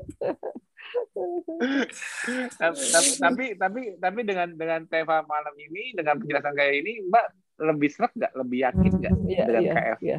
Iya, insya Allah lebih yakin. Ya, maksudnya selain Ya. lebih yakin, Mbak juga punya bekal nggak untuk jalanin Iya. KF ke depannya? Ya, Bekal untuk dan- supaya tidak jangan kesandung gitu loh. Iya. Hmm.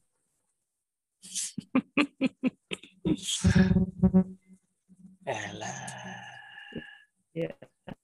Karena Dan- pesanku ini bukan cuma buat Mbak. Ya. Mudah-mudahan walaupun yang penonton yang lain bukan nakes tapi awam, ikut paham apa yang aku ceritakan malam ini. Karena Hmm. Ini susah loh prosesku bisa menyederhanakan sesuatu yang sangat fisiologi dari 2016 sekarang. Ini ini ini nggak mudah loh. Benar Mas Budi iya, dari ja, dari zaman dari zaman aku cuman masih gambar-gambar crab cycle. Sampai bisa kayak gini gila deh. Sampai bisa menganalogikan itu kan ini kan proses yang aduh ini, ini kan sebetulnya bahasa sebetulnya ini kan pengetahuan yang sangat sulit tapi untuk menyederhanakannya itu yang yang aku tuh dari dulu nggak ketemu temu tapi karena hmm. aku sering TFH sering ngobrol kayak gini terus kayak oh iya hmm. mbak ngomong mbak tadi ngomong vaksin jadi aku oh iya aku mau tunjukin bahwa aku aku senangnya kayak gini ialah apa aku juga menyederhanakan itu learning by doing. Hmm. Yang teknikal yang aku biasanya aku buang kalau kalau masih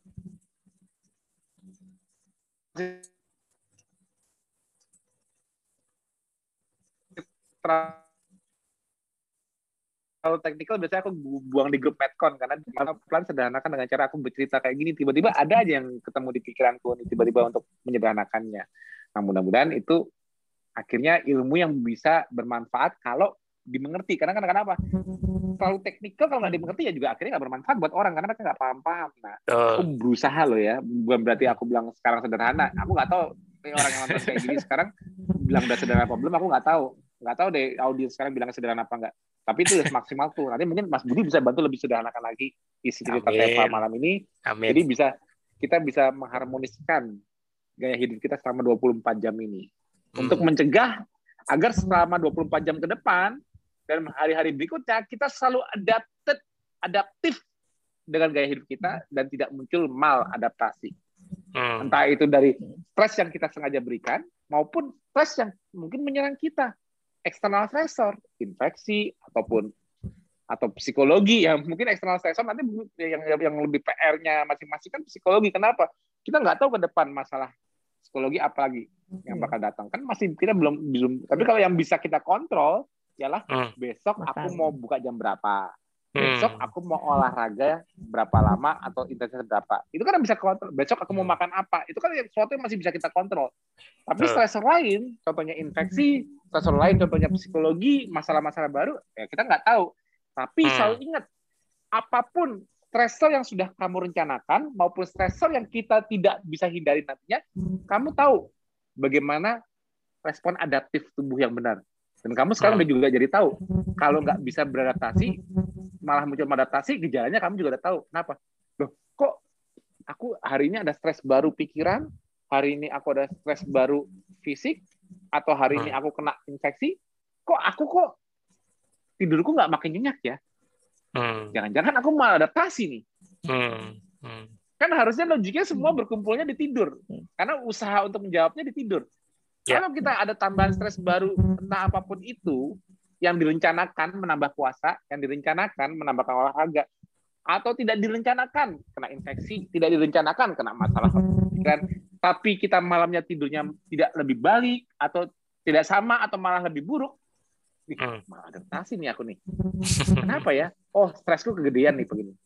Wah, ini harus buru-buru nih ngerem. Nah, jadi jadi mulai kebayang nggak cara decision makingnya? Kalau kalau oh iya jelas tadi gue abis abis dimarahin bos atau akan ada masalah baru atau memang aku kayaknya mau flu nih terus wajar lah kalau aku ngantuk lebih cepat pengen tidur hmm. berarti mudah-mudahan besok stresnya udah turun lagi Amin. Gampang kan nilainya kan? Nah gitu lah. Besok tiba-tiba lebih cepat lapar makan, oh mau lebih cepat lagi recovery-nya, tubuh udah minta bahan baku, makan, tidur hmm. lagi. Hmm. Ilmu ya. Ayo, decision making. Okay. Malam ini penting. Oke. Okay. Oke, okay, udah jam 10 lewat. Thank you, Mas Tio. Mbak Lana, closing statement beberapa patah kata. Monggo, Mbak. Silakan. Uh, Alhamdulillah malam ini banyak sekali pencerahan yang saya dapatkan ya. Hal-hal yang hmm. baru walaupun saya juga dari nakes ya tapi ternyata ilmu dari Mas Tio ini uh, luar biasa sekali ya. Uh, banyak hal-hal yang mungkin tidak terpikirkan sebelumnya ya. Kemudian yang kedua uh, itu tadi kalau kita sudah uh, stay di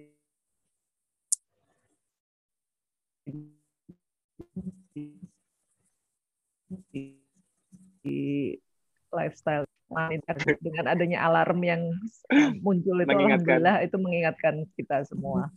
Hmm. Kemudian uh, itu tadi yang saya bilang ya sama kayak kok orang menikah itu menyesal kenapa? Menyesal.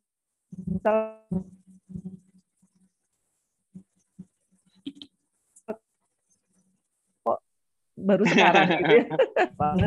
Kali gitu ya uh, gitu Terima kasih Mas Tio, Mas Bobi, ya. dan teman-teman semua untuk pencerahannya malam ini. Terima kasih banyak nih Mbak Lana nih udah bersedia bagi ya. sharing inspirasi. ya. Sama-sama Mbak Lana. Mudah-mudahan ya mudah-mudahan saya juga bisa itu tadi rasa gemas yang saya rasakan kalau melihat orang itu mudah-mudahan sedikit demi sedikit paling tidak yang ada di lingkungan saya sendiri gitu ya. Ya. Ya, ya, ya. Thank you Balana. Nanti moga-moga ya, kita masih bisa lanjut diskusi nanti di grup uh, Nakes ya, amin, di grup metabolic ya. conditioning. Ya, ya. Thank you juga untuk Mas Tio ya yang terus uh, mendampingi. Kita masih ada TFA lagi teman-teman ya minggu depan ya. uh, dengan format depan yang Rabu, baru yang ya. biasa ya Rabu uh, Mas Budi Rabu Rabu nonakes dan Sabtu ya, kembali nanti bersama Mas Tio kembali. Oke teman-teman terima kasih uh, kita jumpa lagi dan nantikan pengumumannya di wall Mas Tio. Sampai jumpa dan selamat malam.